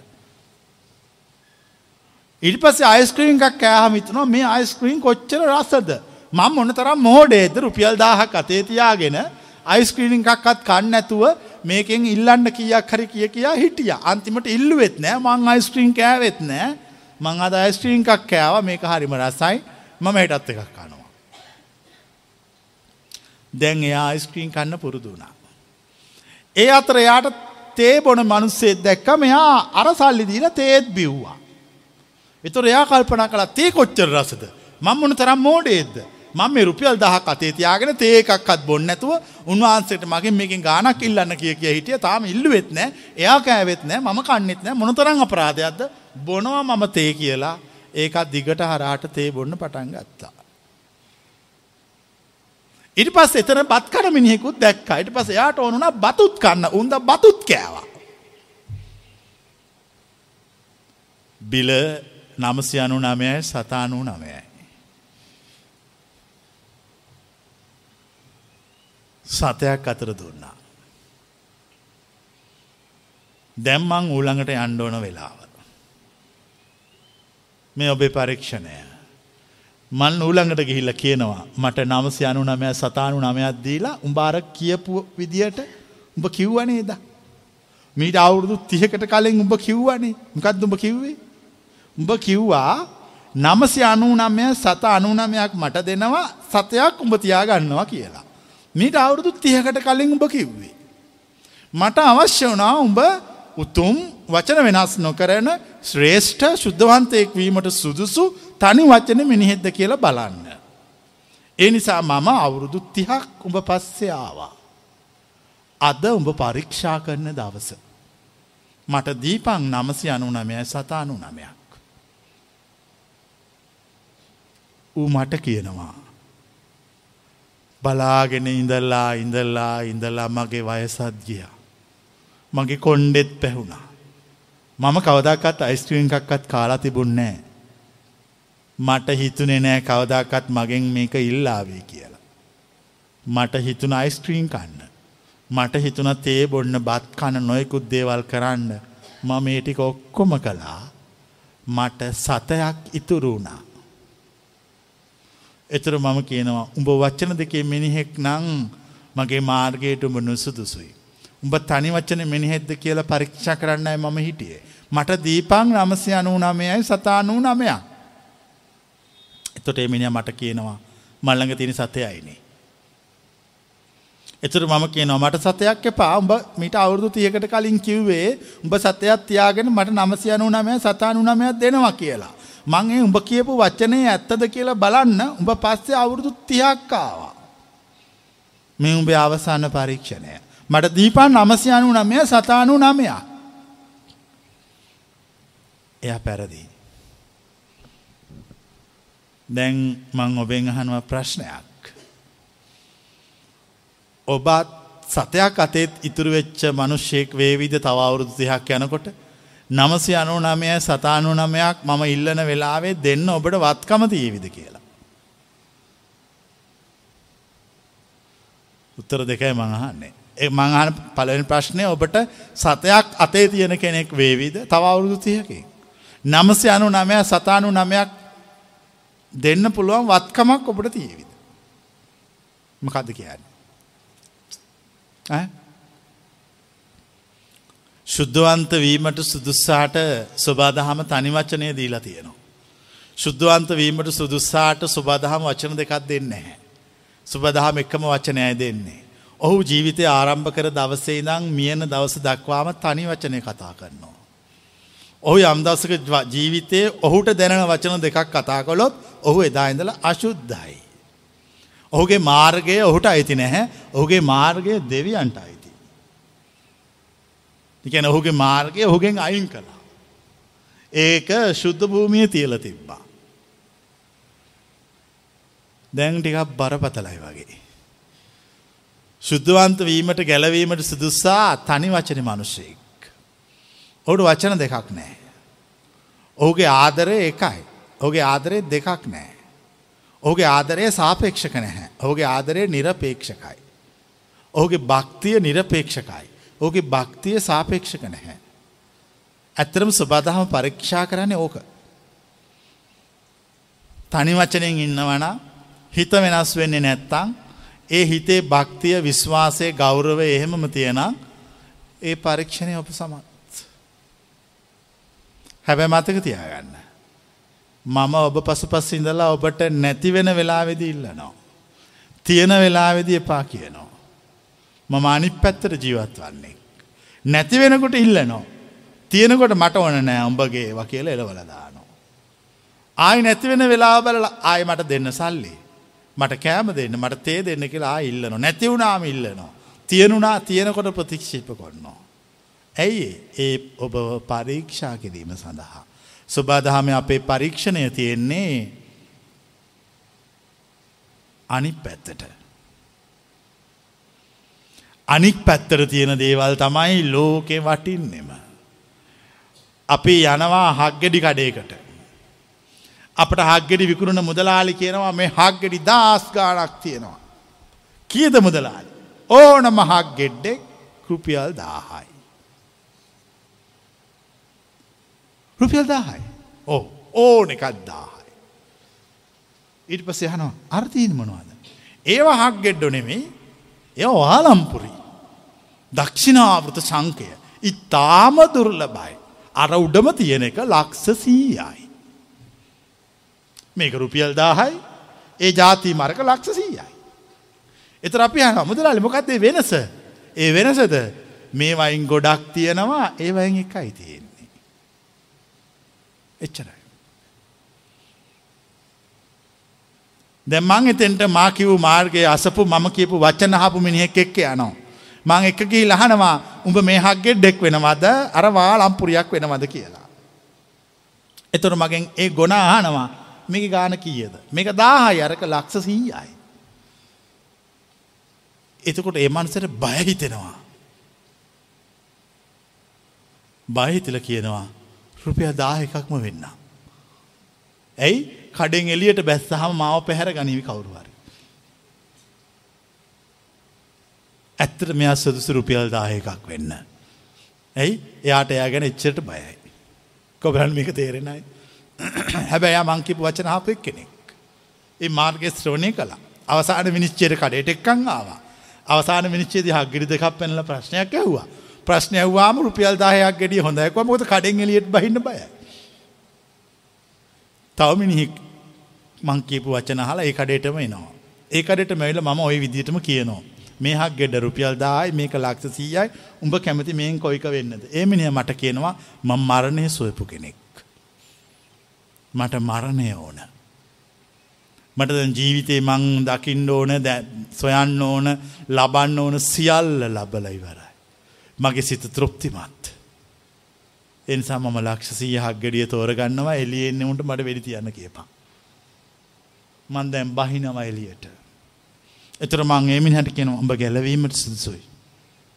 උඹ ඒ කියන වචන වලින් යන්න ඕන ඉහළම තැනට සුදුසුයි. ඒ නිසා උඹට කාටවත් වෙඩි තියන්න දෙන්නේ නැහැ. උඹ තව වාලම්පුරියක් කළා ඉතුරු ලක්ෂ 100 අල්මාරියේ එහා පැත්තෙන් උඹ තියලා තියෙනවා. කොබලනේ කතාව තේරිච්චයි. කෙනෙක් මැරිලා ඉවරයි. හැමතිස්සෙම සබාදහම අපිව පරීක්ෂා කරන්නේ අනිත් පැත්තට. පරීක්ෂණය අනිත් පැත්තට තියෙන නිසා අපට පරදින chance එක වැඩි. අවස්ථාව වැඩි පරදින්න. ඇයි? අපට අනිත් පැත්තට මේක තියෙන්නේ. මේ අනිත් පැත්තට තියෙනවා අපට තේරෙන්නේ නැහැ. මොකද අපි මෙච්චර කාලයක් මේ සංසාරේ එකම පැත්තට ගමන් කළා. අපිට මේ සංසාරේ එකම පැත්තට ගමන් කරන ඒවා තමයි හොඳට දැනෙන්නේ. හොඳට තේරෙන්නේ. අපිට තරහ යන්නේ එකම විදියකට. අපි යමක රස විඳින්නේ එකම රිද්මයකට. අපට කාමය එන්නේ එකම රිද්මයකට. අපි වැඩක් කරන්න පටන් ගන්න එකම රිද්මයකට. ඒවා ඔක්කොම ඔබ එකතු කරගත් ඔබේ සංසාර පුරුදු ජාලය. මං ඔය සංසාර පුරුදු කඩන විදිය කියනවා. මම කියනවා ඔබ ජීවිතයේ වටිනාම තැනදී අරමුණ වෙනස් කරන්න කියලා. කවලනික තේරිච්චයි. ජීවිතයේ ඉහළම විඳින තැනදී එක අතඇරල දාලා සින්දුවක් අහන්න. ද සමාරු කැමති එක එක්කෙනගේ ජීවිතය චොයිස් එක තේරීම වෙනස්නේ. සමාරක් කෙනෙක් කැමති ගොඩාක් රසවත් කෑමක් කන්න. එක තම යාගේ ජීවිතය පරම වින්දනය ලෞකික වසයෙන් යාර්තින ලොකුම එක. තවත් එක්කෙනෙ කැමති ලස්සනට අඳඉන්න තවත් එකනගේ තවත් එකක් එක එක් කෙනගේ තේරීම් වෙනස්. එයාගේ තේරීමේ උපරිම එකේද අපි යාළඟට ගිහිල්ලා අපිතමයක් ගොඩක් කෑම කන්න ආසෙක් කෙනෙක් ඉන්නවා. අපි කියනවා ඔයා ගොඩක් කෑම කන්න ආසයි මේ කෑම කන්න මෙම හරිම රසවත්. එතුර එයා කාල කෙනවම හරිම රසයි කියලා යාර එය සතුට වෙන උපරිම වෙලාවේදී කටුත් එක කොහිලා ලයක් කරගෙනල මම කියනවා මල්ලි අපි මේක කපාගෙන කමු දෙ පැත්තෙදගෙන. මං අහන්නේ එකගේ වින්දනය මොකක්ද වෙන්න කියලා. ඒ තමයි පරීක්ෂණය. එයාගේ වින්දනය නැති වෙනවා. මම එතකොට එයා දිහා බලන් ඉඳලා කියනවා ඔබ මං කියපු වචන ඇහුවට ඔබ මං කියපු මාර්ගය වඩලා නැහැ. ඔබ මං කියපු මාර්ගයේ වැඩුවා නම් උඹට ඔය මූඩ් එකේම ඔය විදියට මිදගෙන මේ කොහිලලේ කපාගෙන කන්න පුළුවන්. උඹට කොහිලලේ කන්න කියලා කිව්වහම උඹේ කටේ කොහිලලයක් හිර වෙලා වගේ හිටියා. ඒ කියන්නේ උඹ බොරු කයිවාරුකාරයෙක්. උඹ ඔක්කොම මං කියපු අහලා හොඳට උගුර පාද පාද පඩික්කම් පුරෝ පුරෝ බද්ගා ගහ බඩ ලොකු කරගත්තා විතරයි ඔළුව හිත ලොකු කරගත්තේ නෑ. උඹ ඒවා අහා ජීවත් වෙන ක්‍රමයක් හදාගෙන තිබුණා. උඹට සැපට කාලා බීලා මිනිස්සු රවට්ටගෙන ඉන්න උඹ ක්‍රමයක් හදාගත්තා. හැබැයි උඹ ගැලවීමේ මාර්ගය වැඩුවේ නෑ. මං ඒක බලන්න තමයි උඹ ළඟ මේ කන වෙලාව අල්ලලාම ආවේ. උඹ මගේ පරීක්ෂණයෙන් පේල්. තවමිනියෙක් ඉන්නවා එමිනිහ කැමති සංවාසයට. මම එමිනිය සංවාසයේදන උපරිම අවස්ථාවේ යනවා. ගිහිල්ලා දොරට ගහලා අරමිනිය නැගිට්ටවල කියනවා අන්න එහාගෙතෙට පොල්ගහක් වැටිලා මල්ලි යමන් අර පොල්ගහ අරන්දාන්න නැත්තං අර මිනිසු වැටේවී කිය. දැ මංහාන එමිනිිය මට මොනෝ කරයිද කිය. මම මේ බලන්න එයා මං මං කියපු පරීක්ෂණය සමත්ද කියලා. මං කියපු පරීක්ෂණය සමත්නං එයා එයා කැමතිම එක ඒකනේ. එතකොට එයා කැමතිම එක එවෙල්ලෙ නවත්තලා ඒ මූට් එකෙන්ම ඒ තෘප්තියෙන්ම ඒ කැමැත්තෙන්ම ඒ නිරපේක්ෂක සාපේක්ෂක ස්වභාවයෙන්ම කෝ පොර කෝ පොරෝගන්න කෝ උදැල්ල ගන්න යං අපි කියලා ඒ විදියට මිනාවවී ගිහිල්ලා එතන ඉඳලා පොල් ගහ කපන්න ඕන. ඒතර මං එයා දිහා බලන් ඉඳලා කියනවා උඹ නම් මං කියප එක කළා වගේ. මොකද මං කියප එක කළාම කිසිම අවස්ථාවක තමුන් කැමති දේ කළා එක පාරට මකබැති දේ කළා කියලා මුඩ් එක වෙනස් වෙන්නේ නෑ. මං එතකොට කියනවා උඹ මං කියප එක කල්ලා. මට ඒක බලන්නයි මම ආවේ. එක එක්කෙනගේ රුචි අරුචි තැන්වලදී දැන් මම එන්න ඔන්න ඔබළඟට පරීක්ෂා කරගන්න. දේශනාව ඇව්වාහම බෝබෝ පරීක්ෂා කරගන්න. කොබලන් මං කෙනෙක තේරෙනයි. මුඩ් එක වෙනස් වෙන්නේ. කෙනෙක මූඩ් එක හින්න විදිය මනස වැඩ කරන්න සීමාව ෆ්‍රීකුවන්ස එක සංඛ්‍යාතය වෙනස් වෙන්නේ නැති වුණාම එයාට තරහ යන්නෙත් නැහැ. එයාට අමුතු හැඟීම් එන්නෙත් නැහැ එයාගේ හිත නිවිලා. එයාට කිසි දෙයක් ගැන ගානක් නෑ. හැමදේම සාමාන්‍යයි. එතකොට එයාව කාටවත් කම්පනය කරන්න හොල්ලන්න බෑ.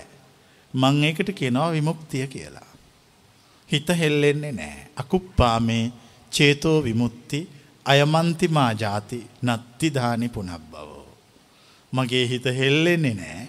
හෙල්ලෙන්නේ නැති නිසා මට පුනර්භවයක් නෑ. දැන් තේරුම් ගත්තද පුනර්භාවය නැතිකොන්න පාර. පුනර්භාවය නැති කරන්න ඔය කියන විදියට. ඒම නැත්තු පුනර්භාවය එක අඩින් කල්ල දාලා මගේ විසිහත්වනි භවය කැන්සල් ඊට පස්සේ විසිහයවෙනි භවය කොහොමාරි භාවනා කරල කැන්සල් කරගන්න ඕන ඊට පස්සේ කොහොමාරි සක්මන් කරලා 25 වෙනි එක කැන්සල් කරගන්න ඕන. අහවල් තැනට දානයක් දෙන්න තියෙනවා 24 එකකින් කැන්සල් වේවි. ඊළඟ ලබන සතිය මහා මල් පූජාවක් තියෙනවා. ඒකට ගියාම 23 කැන්සල්. එහෙම පුනර්භව කැන්සල් වීමක් බුද්ධ ආගමේ නැහැ. බුද්ධ ආගමේ පුනර්භවය කැන්සල් කරන ක්‍රමය හරි ප්‍රැක්ටිකල්. මම ඔය කිව්වේ ඒ ක්‍රමය. මනස වෙනස් වෙන්නේ නැහැ. අනික කිසි දෙයකට අකමැත්තකුත් නැහැ. මනුස්සෙක් ඉන්නවා ජීවිතය එයා වැඩියෙන්ම කැමති තේ බොන්න. ඒ මිනිහ හරිම අකමැති ගල්ල රක්කු බොන්න. හොඳටම තේ බිබීන තේ රසටම පානය කරන වෙලාවෙදි මං ඒ මිනිහ ළඟට ගල් අරක්කු බෝතලෙකුත් අරගෙන යනවා. ගිහිල්ලා කියනවා මේක අපි බොමු කියලා. ඒ මිනිහා මොකා? ඕ ඉතින් මේක බොමු දැන්. ඇයි උඹ මේකට අකමැතිනේ? එතකොට එයා කියනවා අපූක නම් බොන්න බෑ. ඇත්තද? එහෙනම් මං කියපු වචන උඹ අහලා නැහැ. ගල්ලරක්කු පෙරේත මිනිහෙක් ඉන්නවා. ඒ මිනිහා කසිප්පු කාරයෙක්. උන්ද හැමදාම කසිප්පු බොන්නමයි බලන්නේ.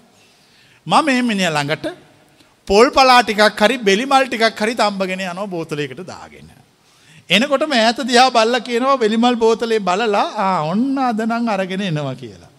ආ මං කියනවා මේ බෙලිමල් බෝතලයක් ගෙන ආවා. බෙලිමල් ඕ බෙලිමල්. එයත් එක බොන්න අක මැති වෙනවා ඇතිකට මං කියෙන උඹ මංකිප එක කල්ල නෑ. තවත් ඉන්නවා ඒවගේම කසිප්පු කාරයෙක්. ඒමිනි ළඟටත් ම බෙලිමල් බෝතලයක් අරගෙන යනවා එතකොට ඒමිනි මගෙන් අහනවා කසිප්පු කියලම අරක්කු කියල හිතල ඔය බෝතරේ තියෙන්නේ මොනවාද. ඉතාම සුපිරිසිදුව නිෂ්පාදනය කරපු බෙලිමල් ගෙදරමයි හැදුවේ. එතුර එමිණ කියනවා හරිම නියමයි ගේන්න වීදුරුවක් දාගම් මුදෙන්න දෙ පැත්තට බීල ඉවර කරමු. එතුර මං ඒමිනට කියනවා මං ඔබට බෙලිමල්පු වන්න නෙමේ යාවේ උඹ මං කියපු වචනහල යන්න ඕන තැනට ගියාද කියල බලන්නාවේ උඹ යන්න ඕන තැනට ගිහිල්ලා ඒ නිසා උඹ ඕන එකක බෙලිමල් බීගනින් මෙන්න බෝතලේ මං යනව කියල මම යනවා. කොබලන් මේ කතාව තේරෙන මෙ කතා එනට මෙ මහා ගැඹුරු දර්ශනික කතා. මාර්ගය පිළිබඳ අවසාන පරීක්ෂණ. දැම්මං අහන ප්‍රශ්නය. මට තියෙන ප්‍රශ්නය. අපි මහාලොකු ධර්ම සාකච්ඡා කරලා. සුන්්‍යතා ධර්මය පිළිබඳව අපි පොත් පත් කියවලා. දේශනා ලක්ෂ ගානකට සවන්දීල් අපි ප්‍රැක්ටිස් කල්ලා ජීවිත අත්දැකින් ඔක්කොම ලබලා අපට අවසාන පරීක්ෂණය තියෙන බෙලිමල් බෝතලයක් එක්ක. කොබලන් මික තේරෙන අය. අපට එවනට දිනන්න බැරි වෙන අපේ සසර පුරුද්ධ නිසා. එතනයි අපට වරදින තැන. හැමතිස්සෙම ඔබට දරුණු මාරාන්තික විශක් ඔබේ ශරීරයට එන්නත් කරන්නේ නාගයෙක් නෙමේ කූම්ියෙක් කොබලන එක පිළිගන්න අය. දරුණු මාරාන්තික විශක් ශරීර ගත කරවන්නේ නාගයෙක් නෙමේ කූමියෙක්. නාගයා තමන්ගේ දත්වලින් තකරි මකරි යමි යම දූතිය කියන දත්වලින් මනුස ශරීරයට එන්නත් කරන්නේ නයිවිස විතරයි. කූම්ිය හැම ජරාවම ලගිනවා. උගේ නැති විස බීජයක් නෑ. ඔක්කෝම විස බීජ ටික කූම්ියගේ දල දෙකේ තියෙනවා ඇවිල්ල දල ගැහුවොත් ලෙඩේ හොයා ගන්නත් බෑ. කොවලන්න තේරිච්චය ලෙඩේ හොයා ගන්න බෑ ලෙඩ මලා. අපි ඇව්හම කියන කූම්ියෙක් කල මැරුණ කිය. ඇත්තරම කූම්ියෙක් කල මැරුණ. මේ ජීවිතය සිහිනයක් මායාවක්. මේ මායාවේ වෙන්න පුළුවන් දේවල් වෙන්ඩ බැරි දේවල් කියල එකක් නෑ ඔක්කොම වෙන්න පුළුවන් දේවල් කොබල එක පිළිගන්න අය ඔක්කොම එක වෙන්න පුළුවන් දේවල්. ඔක්කොම වෙන්න පුළුවන් දේවල් නිසා වෙන්න බැරි එකක් කියලා මට එකත් තේරෙන්නේ කොබලන එක තේරෙනයි. ඔක්කොම වෙන්න පුළුවන් දේවල්. ඒ නිසා ඒ මොනදේ වුනත් මට පුළුවන් ඒ වෙලාවේ ඒකත් එක්ක සන්තෝසෙන් ඉන්න කොබලන එක තේරෙන අය. ඒක තමයි මං ඔබට කන අවසාන පරීක්ෂණය. ඒ පරීක්ෂණය මං ඔබට කරන්නේ ඔබට බැරි අමාරු අසරණ වෙච්ච වෙලාවක. මානසික ශක්තික ශක්තිය ධනවත් බව කායික ශක්තිය තන වෙලාට මං පරීක්ෂා කරන්න ඔබළඟට එන්න හැ. ඔබ දුප්පත් වෙච්ච වෙලාවට ඔබ රෝගී වෙච්ච වෙලාවට ඔබ මානසික වස්රණ වෙච්ච වෙලාවට මං ඔබ ඉස්සරහා පෙනී සිටිනවා වෙනත් ස්වරූපයකින්. පෙනී සිටිලා ඔබ පාරීක්ෂා කරනවා. ඔබෙන් යමක් ඉල්ලනවා. ඔබෙන් යමක් ඉල්ලන්නේ ඉල්ල ගන්න නෙමෙයි ඔබට දෙන්න කොබලන එක තේරිච්චාය. ඔබෙන් යමක් මම ඉල්ලන්නේ ඉල්ල ගන්න නෙමේ ඔබට දෙන්න. කුමක් දෙන්නද අවසාන විනිශ්චය දෙන්න. ස්වර්ගය දෙන්න. අමුෘර්තපානය දෙන්න. නිර්වාණය දෙන්න ඔබෙන් ප්‍රශ්න කරනවා. ඒ වෙලා වෙදි ඔබ නිරුත්තර නොවිය යුතුයි. ඔබ සාර්ථක උත්තර දී යුතුයි. කිසිම දවසක ඔබෙන් යමක් ඉල්ලන්නෙකුට නෑ කියන්න එපා. ඉල්ලන්නෙකුට දෙන්න. ඔබට තියෙන සියල්ලම. කොයි වෙලාවකවත් ඔබෙන් යමක් කවුරට ඉල්ලනකොට සඟවන්න එපා. ඒ ඉල්ලන්න අන්න අතර මම සිටිනවා වෙන්න පුළුවන්. කොබලන්න මංකිප එක තෙරිච්චාය. ඒ ඉල්ලන්නන් අතර මම සිටිනවා වෙන්න පුළුවන්. කිසිම කෙනෙක රූපය බලලා දෙන්න එපා හඬාලා දෙන්න එපා දෙන්න ඕන නිසා දෙන්න. ඉල්ලනකොට දෙන්න. දෙන්නෙ කවුද කියලා බලන්න එපා. ඒ අයාතර මම සිටිනවා වෙන්න පුළුවන්. එකන්නේ ඒ ඔබ දෙන දේ තුළ ඔබේ අවසාන විනිශ්්‍යය සිදු වෙනවා වෙන්න පුළුවන්. තියෙන වෙලාවට දෙන්න එපා මම හැමදාම එන්නේ ඔබට නැතිවෙච්ච වෙලාවට. කොබලන එක තේරෙන අය. නැතිවෙච්ච වෙලාවට සියල්ල දෙන්න. නැතිවෙච්ච වෙලාවට සියල්ල දෙන්න තියෙනකොට ඕන කෙනෙකුට දෙන්න පුළුවන්නේ නැති වුනාම දෙන්න. නැතිවුනාම දෙන්න පුළුවන් එක්කෙනා අවසාන විනිශ්චයට සුදුසුයි ඔහු එකෙන් පරදින්නේ නැහැ. මිනිස්සනට පුරුදු වෙල එන්නේ කොහොමකක්ද. තියෙනකොට දෙන එක සසර නැතිවුනාම දෙන එක නිවන. හැබැයි නැතිවුනාම දෙන්න බැහැ තියෙනකොට නොදීපු එක් කෙනාට කබලන එක තේරිච්චාය තියෙනකොට වන්දීලා තියෙන්න්නවට. එතර මට දීම පුරුද්දක් වෙලා තියෙන්නේ. සතු කර ගැනීමන මේ මගේ පුරුද්ධ මේ පැත්තර දෙන එක. ඔක්කොම දීල මම නිදහස්සල කොයි වෙලෙ තින්න අමකද යන්න ලේසි. මගේ මලු ඔක්කොම හිස් මලු දාලා මට නිදහසේ යන්න පුළුවන්. මොකද ම මලුත් අරගෙන කියොත් සමල්ලාට මට ගමන වරදින්නත් පුළුවන් ඇයි අර බඩු පටෝ ගන්න වෙලා මදි. ඔක්කොම හිස් කල්ල ඉන්න. ඔක්කොම පරිත්‍යාග කල්ල ඉන්න. සතුටෙන් ඉන්න. පරීක්ෂණයට මුණ දෙන්න ලෑස්තිපිට ඉන්න. පරීක්ෂණය හරිම ආමුතුයි. එක අපට කියන්න බෑ කවදක්කත්. දැන් කෙනෙක් මේ සියලු දේශනාවන් අහනවා. අහලහු කල්පනා කරනවා හරි. මම දන්නෝ පරීක්ෂා කරන්න විදිිය. ඉල්ලනවා ඉල්ලනකොට දෙන්න ඕන තියෙනකොට දෙන්නත් ඕන නැතිවුණාමතම වැඩියෙන් ඇවිල්ල ඉල්ල නැතිකොට දෙන්නත් ඕන. කවුරුල්ලුවත් දෙන්න ඕන. යතර උන්වහන්සේ සිටින්න පුළුවන්. එනිසා බෑ කියන්න බෑ. මිස්සුනොත් ඒ මිස්වෙනි උන්වහන්ස වෙන්න පුළුවන්. එනිසා මට පරදින්න බැහැ එනිසා මං ඔක්කොම දෙනවා. ඔයටි ඔක්කොම පරීක්ෂා කරනවා. එතොට එයා හිතනවා මම හරි. මම දැන් ගැලවීමට පත් වනා වැරදි. මම සිහිනෙන් නොබළඟට පැමිණිලා සිහිනෙන් ඔබෙන් ඉල්ලනවා. මොකද්ද මං ඉල්ලන්නේ සිහිනෙන් අතපානෝ. එතකොට ඔබ මට ඇත්තර දෙන්න යන්න එපා සිහිනෙන් දෙන්න කොබලන්න එක තේරෙනයි. තුර අරවිනිය කියන ඔච්චර සංකීරණය කියලලං හිතුවෙන ඇත්තට මෙච්චර ඉටත් වඩා සංකීරණයි. කොබලන්න දැම්ම එක තේරෙනය. මේකේ මහා දරුණු දේවල් නැති වුණට තියෙන ඔක්කොම දේවල් දරුණුයි. එක තමයි විමුක්තිය. ඒ ගැලවී මේක පරිපූර්ණයි කිසි අවුලක් අඩුවක් ප්‍රශ්නයක් නෑ. ඒකට උත්තරේ දුන්නොත් දුන්නම තමයි ආයි. උත්තර දෙකක් දෙන්න ඕන එකයි දෙන්න. මොකද මෙච්චර විශාල ලෝකයක ප්‍රශ්නහන්න ගියෝතින් මේක තියෙන ඔක්කොම දේවල් කවදක්කත් අහලිවර කරන්න බැහැ. එක පුංචි ප්‍රශ්නයක් අහලා ඔක්කොම කැන්සල් කරනවා. ඒක තමයි අපි කියන මග. දැම්මං ඔබෙන් ප්‍රශ්නයක් අහනො මේ දේශනාව අහල ඉවර වෙලා ඔබ මාස් පසු පස එනවද නවතිනවද කියලා. එන්න පුළුවන් ඉස්සරහ ගැන කියන්න බෑ. කොබලන එක තේරෙන අය.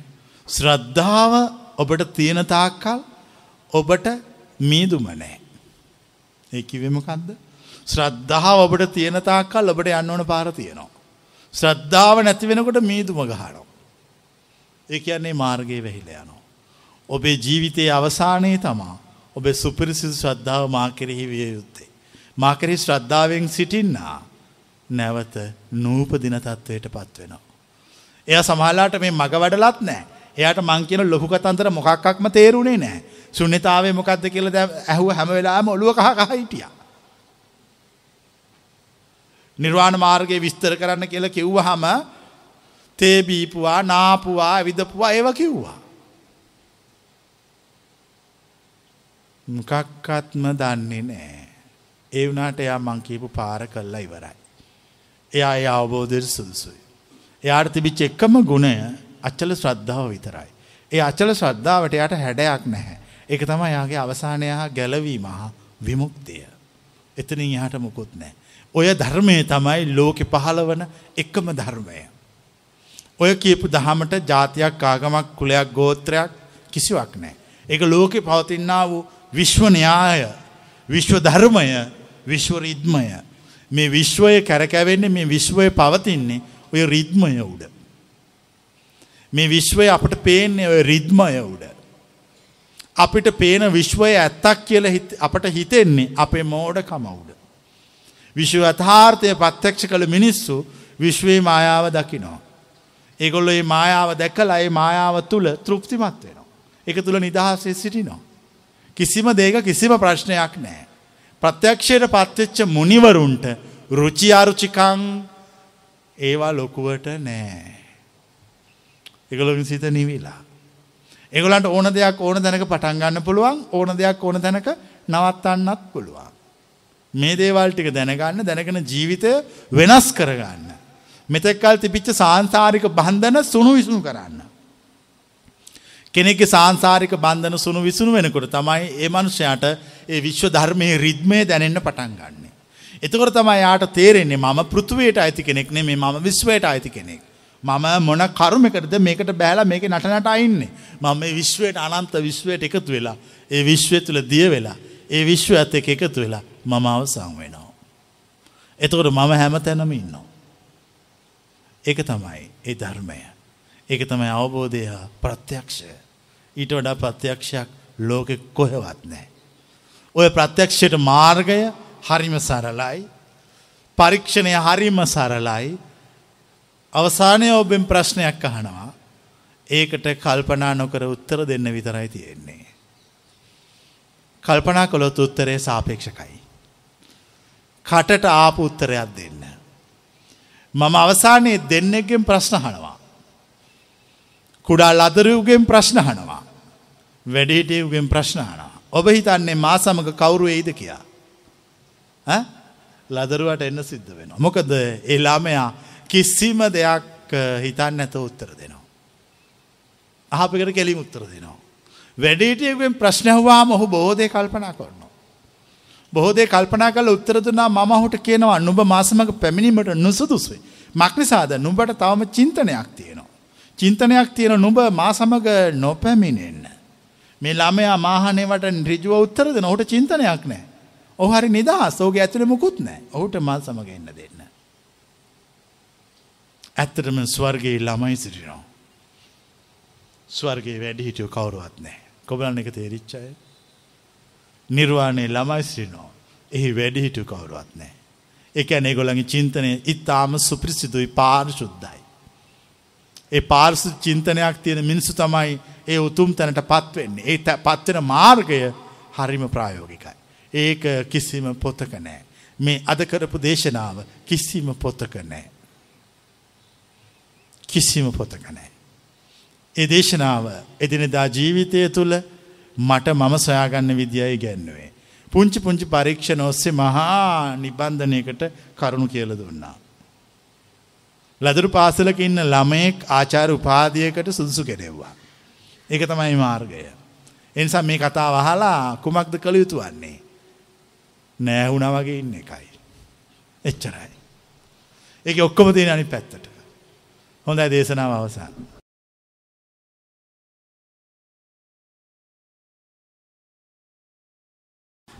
ස්වාමීන් වහන්සේ අවසරයි. මාර්ගය වඩනකොට සාමාන්‍යයෙන්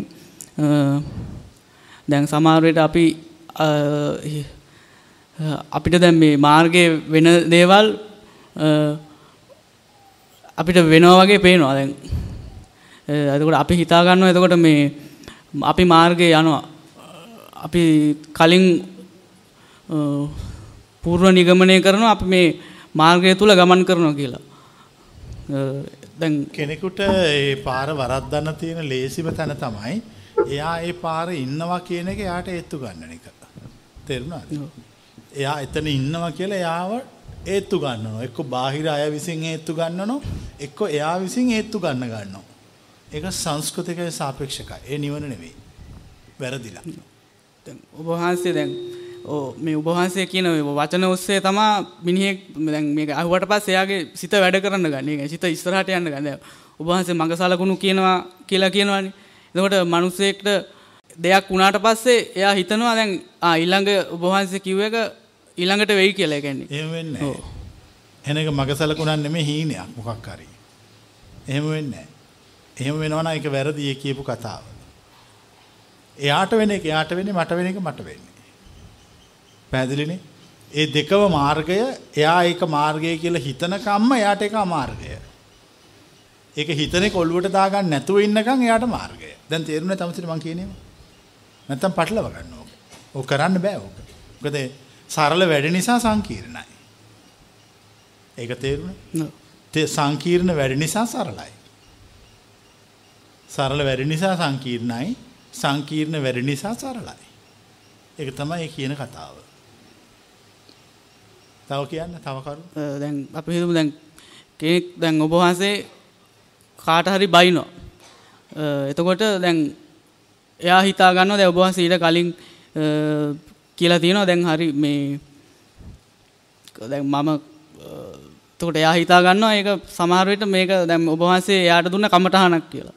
ඔව්. ඒක දේශනාවේ කලින් එහෙම එයාම ඔබ වහන්සේ කියලා තියෙනවානේ කියන්නේ මේ මම මේ මෙහෙම කාට හරි මම මෙහෙම බැන්නොත් මෙහෙම වුණොත් සමහර විට මේ ඔබ වහන්සේ සමාජයට රැව්වත් ඇති බැලුවත් ඇති ඒ වගේ දෙයක් හිතාගෙන ඉන්නවානේ ඔබ වහන්සේ කලින් කියලා එයා- එයා තියෙනවා. හිතාගත්තු එක එයාගේ සාපේක්ෂකයක් මිසක් මං කිව් මාර්ගය නෙවෙයි. ඒක තේරුණා? ඔව් ඒ කියන්නේ එයාම හිතලා ඔව්, එයා- එයාම තීරණය කරගන්නවා මේක තමයි මාර්ගය කියලා. ඔව් ඒක වැරදි. ඒ එයාම යන මාර්ගයක් ඒක. එයාම එයා හදාගත්තු මාර්ගයක්. يعني එයා හදාගත්තු හිතලුවක් ඒක. ඒක එයාගේ ජීවිතයේ ඇත්ත නෙමෙයි. ඒ හිතලුව එයාට වැඩ කරන්නේ මං කෙරෙහි භක්තිය තියෙන අන්තිම වෙලාව වෙනකම් විතරයි. ඒක? ඔව්. නැත්තම් එයා එතන මෙහාට ඒ හිතලුව එයාට වැඩ කරන්නේ නැහැ. ඊට පස්සේ එයා වෙන කෙනෙක් කෙරෙහි භක්තියෙන් හිටියොත් එතන ඉඳලා එයාට ආයි හිතලුව වැඩ කරනෝ ඒ භක්තියෙන් ඉන්න කෙනා කෙරෙහි. මට අවශ්‍ය එක එක්කෙනාට වෙලාවට මාරු කරන එකක් නෙමෙයි. ඇත්තම කතාව. ඇත්තම කතාව අපි ළඟ හැමතිස්සෙම තියෙනවා. ඒක තමයි අපි ජීවිතේ කොහොමත් මුහුණ දෙමින් සිටින දේවල් ටික. ඒ දේවල් ටිකට සිහියෙන් මුහුණ දෙනකොට කල්පනාවෙන් ඉන්නකොට අපිට තේරෙන දේ තමයි අපි වඩන මඟ. ඒ හරි ප්‍රායෝගිකයි. හරි අපට හරි ළඟයි. ඒ වචන තේරුණා? අපට හරි ළඟයි. අපිට ගොඩක් දුර දෙයක් නෙමේ අපේ නිවන අපට හරි ළඟයි. අපේ ළඟ තියෙන එක. ඒ කොච්චර ළඟද කියනවා ළඟ වැඩි නිසා අපට අහුවෙන්නේ නැහැ. දැන් අපිට දැන් මේ මාර්ගයේ යනකොට සමහර විට තියෙන ප්‍රධාන ප්‍රශ්නේ තමයි දැන් මේක සමහරට ඇහුවාම තේරෙනවා. නමුත් වෙන්න ඕන දේ මේකයි මේකයි කියන දේ තේරෙනවා. නමුත් ඒක ඒ පුද්ගලයාගේ ඇඟේ ඇඟ තුල ඒක ක්‍රියාත්මක වෙන්නේ නැහැ. ඇඟ තුල ක්‍රියාත්මක වෙන්නේ සසර. ඒක තේරෙනවද? ඇඟ තුල ක්‍රියාත්මක වෙන්නේ සසර. සසර මා තුල ක්‍රියාත්මක වෙනකොට මට තේරෙනවා නම් මේ මගේ සසර කියලා ඒ තමයි යාගේ මාර්ගය. ඒක තේරුණාද? තේරුණේ ඒ කතාව? මගේ තුල සසර වැඩ කරනකොට කියන්නේ සසර මන් තුල වැඩ කරනවා. මන් තුල සසර වැඩ කරනකොට මට තේරෙනවා මේ වැඩ කරන සසර තමයි මේ සසර කියලා මන් දන්නවා. ඒක තමයි මගේ මඟ. ඒ කියන්නේ සිතට තරහ ආවහම ඒ තරහ දුරදිග ගස්ස ගන්න මට හිත කියනවා. ඒතර මම දුරදිග ගස්සගෙන වෛරය දක්වා ගෙන යනවා. ඒ මගේ සසර. ඒතර වෛරය දක්වා තරහ ගෙන ගියහම මම දන්නවා මගේ තරහ මම වෛරය දක්වාම දුරදිග ගස්ස ගත්තා. ඒ මගේ සිහිය. එතකොට මගේ නිවන තියෙන්නේ කොහෙද? තමන් ගාව. සසර තුල. ඒක තේරුණේ? සසර තුල තියෙනවා. දැන් කෙනෙක් මං කියපු කතාව අහලා සසර ප්‍රතික්ෂේප කරනවා. එතකොට එයාට නිවන කො? නිවන නැහැනේ මොකද සසර තුල තියෙන්නේ. සසර තුල සොයපා. සසර තුල නිවන පවතින්නේ. ඒ නිසා කොයි වෙලාවකවත් තමන්ගේ හිතට එන දේවල්, දැනෙන දේවල්, තමන් ජීවත් වෙන ක්‍රමේ ප්‍රතික්ෂේප කරන්න එපා. ඒකත් එක්ක ජීවත් වෙන්න. ඒ තමන්ට අයිති ඒවා ඒවා. ඒව එකක්වත් ප්‍රතික්ෂේප කළොත් එහෙම තමුන් යන පාර ගමන ඔක්කොම වැරදි. තමුන් කෘතිම වෙලා තියෙනවා. තව කියන්න. තේරිච්ච. ඔව්. දැන් ඔ- ඔබ වහන්සේ කියනවනේ දැන් අ, සසර කියන දේ පටන් ගැම්මක් ආ, අවසානයක් පෙන්වන්න බෑ. මේ මේක සදාකාලිකයි. නෑ. පටන් ගැම්මක් පෙන්වන්න බෑ. අවසානයේ නිර්වාණය. මේ පැත්තට පෙන්වන්න බෑ මේ පැත්තට පෙන්වන්න පුළුවන්. දෙපැත්තටම නෙවෙයි එක පැත්තකට විතරයි. ආ ඒක හරි. ඊට පස්සේ දැන් ඔබ වහන්සේ නිවන කියලත් ආයේ දේශනා කරනවා දැන් මේක තුල අපි සදාකාලයටම මේ ඔබ වහන්සේ සදාකාලිකව මේ නිවන තුල කිඳා බහිනවා කියලා. දැන් මට ඉස්සර ප්‍රශ්නයක් තිබුණා දැන් අ, එතකොට දැන් මේ දෙක තියෙන වෙනස මොකද්ද කියන එක. මොකේ? ඒ කියන්නේ නිවනයි සසරයි. කියන්නේ කිසිම වෙනසක් නැහැ. දෙකම එකයි. හරියටම නිර්වාණය සාක්ෂාත් කළේ කෙන කිඳා බහැලා තියෙන සසර තුල. දැන් තමසර තේරුණා? හරියටම නිර්වාණය ප්‍රත්‍යක්ෂ කරපු එක්කෙන කිඳා බහැලා තියෙන නිවන තුල. හරියටම නිර්වාණය ප්‍රත්‍යක්ෂ කරපු එක්කෙන කිඳා බහැලා තියෙන සසර තුල. නිවන තුල සසරත් සසර තුල නිවනත් පෙන්වමි. ඒක පිළිගන්නවයි? පිළිගන්නේ? පිළිගන්නවා. නාගර්ජුන පාදව එකයි කිව්වේ න සංසාරස්ය නිර්වාණං කිංචි දශති විශේෂතා. න නිර්වාණස්ය සංසාරං කිංචි දශති විශේෂතා. නිර්වාණ නිවනයි සසරයි සසරයි නිවනයි දෙකම එකයි කිව්වා. හරිද වැරදිද? හරි. ඒක හරියටම හරි.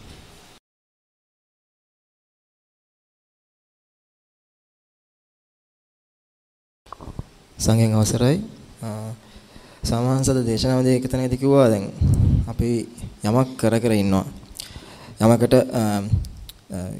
දේශනාවදී කිව්වා දැන් කෙනෙක් සංවාසයේ දෙමින් සිටිනවා එතකොට ඒ කෙනා ළඟට ඔබ වහන්සේ ළඟ ගිහිල්ලා දොරට තට්ටු කරලා එහා පැත්තේ පොල් ගහක් කපන්න එන්න කතා කරනවා කිව්වා. ඇත්තටම මේ අපිට ඒක තමයි කරන්න බැරිම දේ. ගොඩක්ම අපහසුම දේ කරන්න. ඒ කියන්නේ යම් කිසි දෙයක් අපි ආසාවෙන් හරි මොන හරි Taman කැමති දේ කර කර ඉන්න අතරතුර තව කෙනෙක් ඇවිල්ලා තව වැඩක් කියනවා. ඒකත් අපිට ඒ එකම ඒ තියෙන මූඩ් එකෙන්ම ගිහිල්ලා කරන්න හරිම අපහසුයි. නමුත් මේ කරන්න අපි කොහොම හරි අකමැත්තෙන් වුණත් ඒ දේ කිරීම හරිද සමාස? අකමැත්තෙන් හරි මුලින් කරන්න ඕන. එතකොට තමයි ඒකට මනස හරි හිත හරි පොඩ්ඩක් හරි එකතු වෙන්නේ. නැතුව අපි මේක කරනවා අපි මේ හිත කැමති වෙච්ච දවසට කී කිය හිටියොත් කවදාකවත් එක් කරන්න බෑ. මුලදී අකමැත්තෙන් කරන්න ඕන අකමැත්තෙන් කර කර කල්පනා කරන්න ඕන මේක මං කළ යුතු දේ මං කැමැත්තෙන් කරන්න ඕන එකක් මම මේ අකමැත්තෙන් කරන්නේ. මම මේ අකමැත්ත මං හදාගත්තු එකක්. මොකද මං උපදිනකොට මේකට කැමති මේකට අකමැති කියලා තිබුණේ නෑනේ. මං ඊට පස්සේ දාගත්තු ගොඩක් නිසා මං දැන් දුකටපත් වෙනවා. ඒතර මගේ කැමැත්ත අකමැත්ත මන් තුල තියෙන තාක් මම මට විඳවන්න සිද්ධ වෙනවා. මට මේ විඳවීමෙන් ගැලවීමට තියෙන එකම මඟ තමයි මම මේ දෙකම කෙරෙහි මධ්‍යස්ත වීම. එතකොට මම මේකට අකමැති කරන්න මට හිතෙන්නේ නැහැ. ඒ වුණාට මම මේක දැන් කරනවා. අකමැත්තෙන් කරනවා. අකමැත්තෙන් කරගෙන කරගෙනකොට දෙකක් සිද්ධ වෙන්න පුළුවන්. එකක් තමයි අකමැත්ත වැඩි වෙන එක. අනිත් එක තමයි අකමැත්ත කැමැත්ත දක්වා ගේන එක. මම මෙතන දෙවෙනි එක කරන්න කියලා කියනවා. අකමැත්ත පොඩ පොඩ පොඩ අඩු කරගෙන අඩු කරගෙන ඒක කැමැත්ත දක්වා ගෙන එනවා. එතකොට එයාගේ පර්සනලිටි එක පෞරුෂය වෙනස් වෙනවා. එතකොට එයාට hina වෙන්න බැරි තැන් වලට hina වෙන්න පුළුවන් වෙනවා. අඬන තැන් වලට එයා අඬන්නේ නැතුව ඉන්නවා. එතකොට එයාගේ ජීවිතය වෙනස්. ඒ කාගේ හරි ජීවිතය වෙනස් වෙනවා නම් ඒක තමයි මාර්ගය. මුලදී අපි අකමැත්තෙන් කරන්න ඕන. එහෙම නැතුව අපිට කවදාකවත් අකමැත්තෙන් කරන්න ඕන නොනවත්වා කරන්න ඕන සියලු බාධක ජයගන්න අන්තිම මොහොත දක්වාම ඒ දේ කරන්න ඕන. එහෙම නැත්නම් කවදාකවත් යන්න බෑ. මමත් ওই මග වඩනකොට මුලින් අකමැත්තින් අකමැත්තෙන් වුණත් ඕන දේ මං කළා. හිත කැමති නෑ මේ ඕන දේ කරන්න හිත කැමති හැමදෙස්සෙම හිත කැමති දේවල් ටික කර කර ඉන්න. ඒ වුණාට මම කල්පනා කළා හිත කැමති දේවල් මට කර කර ඉන්න පුළුවන්. මට කිසිම දවසක දෙයක් ජීවිතේ හම්බ වෙන්නේ නෑ. මේ සාමාන්‍ය මිනිස්සෙක් ලෙස ඉඳලා මම මැරෙනවා. මම මේ වෙනස් කරගන්න ඕන මේක. වෙනස් කරගන්න නම් මගේ හිත අකමැති යහපත මම කරන්න පටන් ගන්න ඕන. මගේ හිත දෙන්න අකමැති මං දෙන්න ඕන. මගේ හිත හොඳ දේවල් කරන්න අකමැති මං එක කරන්න ඕන. එහෙම එහෙම කරගෙන කරගෙන කරගෙන යනකොට හිත වෙනස් වුණා. වෙනස් වීමට මාර්ගය ඒකයි. අකමැත්තෙන් වුණත් ඕන දේ කරන්න. පස්සේ ඒක ටික ටික ටික දක්වා හරියනවා. දැන් මම ප්‍රශ්නයක් අහනවා. පුංචි ළමයෙකුට දත්මත් දන්න ගියාම ඒ ළමයා ඒක කරන්නේ කැමැත්තෙන්ද අකමැත්තෙන්ද? අකමැත්තෙන් කරන්නේ. ඊට පස්සේ ළමයාට අවුරුදු 20ක් ගිය ගමන් නැගිට ගමන් හොයන්නේ මොකද්ද? දත් බුරුස. එච්චරයි. එතන මේ සියල්ල අපි විසින් හදාගෙන අපි විසින් දාගෙන කුණු ගොඩවල් ටිකක්. මේ ඕනම එකක් අපිට වෙනස් කරන්න පුළුවන්. අපේ පෞරුෂය අපිට ඩිවලොප් කරගන්න පුළුවන්. ගොඩනගා ගන්න පුළුවන්. අපේ ජීවිතේට අපිට මුහුණ දෙන්න පුළුවන්. අපිට දිනන්න පුළුවන්. නමුත් අපට අරමුණක් නැතුව ඔහේ බලාගෙන ඉන්නවා. අපට දිනන්න පුළුවන්. ඒ කියන්නේ අපට යන්න පුළුවන්. අපට ශක්තිය තියෙනවා. මිනිස්සෙකුට අසීමිත ශක්තියක් ඇතුළාන්තයේ තියාගෙන කිසිම වැඩක් ගන්න නැතුව බලාගෙන ඉන්නවා. ඒකට හරියට ලොකු ජෙනරේටරයක් තියෙනවා කරුවල ගයක් ඇතුලේ. මොකක් ඇතුලේ තියෙන්නේ? කරුවල ගයක් ඇතුලේ ලොකු ජෙනරේටරයක් තියෙනවා. කිසි වැඩක් නැහැ. ඒ ජෙනරේටරෙන් ඒ ගෙට විතරක් නෙමෙයි මුළු ගමටම ලයිට් දෙන්න පුළුවන්. ඒ වුණාට ගේ කරුවලයි. මනුස්ස හිතත් කළුවර ගෙයක් ඇතුලේ තියෙන ජෙනරේටරයක් වගේ. මේක ස්ටාර්ට් කරලා නැහැ. ඉතින් ඔයගොල්ලෝ ස්ටාර්ට් කරගන්න. ස්ටාර්ට් කළා මුළු ගමටම ලයිට් දෙන්න. එතකොට මේ මනස අවදි වෙනවා. මනස අවදි වුණාම තමුන්ගේ පාලනයට තමුන්ගේ මනස යටත්. රෝන් ගැන වැරදි වෙන්න කො වෙලාකවත් එක අනි පැත්තට යන්න යාගේ පාලනයට යටත්. මොකද මම්මයි ස්විච්චක දැම්මේ. මට ඔන්ලා කෝෆ් කරන්නත් පුළුවන්. එනිසා මේ හිත මගේ පාලනයට යටත්. එතුර මටහරි ලේසි ජීවත්වෙන් ඇයි හිත මගේ පාලනයට යටත්. මම නොකියන මම අකමැති මට ඕන් නැති කිසිව දෙයක් හිත කරන්න ඕනුවට වඩා දඟල දඟල ඉස්සර වගේ එන්නේ නෑ. මොකද මම හිත නිවල දාලා තියෙන්නේ. සාමාන්‍යයෙන් දැන් අපි දැන් යමකට යමක් ජීවිතේ කරලා සංසාර පුරාට කරලා ඒකේ තියෙන විඩාව දුක නිසා අපි මේක හොයනවා නිවනක්. එතකොට මේ නිවන හොයන්නත් ඇත්තටම මේ අපිට හොයාගන්න වෙන්නේ ආපහු දුක් විඳලාමයි. අනිවාර්යයෙන්. දුක කියන එක කාටවත් නවත්තන්න බෑ. විඳින්න ඕන ටික කොහොමත් විඳින්න ඕන. මිනිහෙක් කල්පනා කරනවා මෙහෙම. මේ කිරිබත් කන එක හරිම රසක් නෑ. ඒ හින්දා මං අද ඉඳලා කේක් කනවා කියලා. ඒ වුණාට ඒ ඒ මිනිහා කේක් කෑවට අර කිරිබත් කාලා එන්න ඕන තැනක් තිබ්බනේ. ඒ මිනිහා කේක් කාලත් එන්න ඕනේ තෙන්ටමයි. හොයලා හොයන්න බෑ. ඇත්තටම නොසොය සොයන්න ඕන එකක්. ඒ වුණාට විඳවන්න ඕන ටික විඳවන්න ඕනමයි. ඒ විඳවන්න ඕන ටික නැතුව කාටවත් හොයන්න තහනම්. අතරන් සහන්ස මේ එහෙම විඳවන්න වෙන්නේ දැන් අපි අපේ තියෙන තරහව සම් කෙනෙක් කෙනෙක්ට වෛරය වැඩි වෙන්න පුළුවන්. තව කෙනෙක්ට කාමය වැඩි වෙන්න පුළුවන්.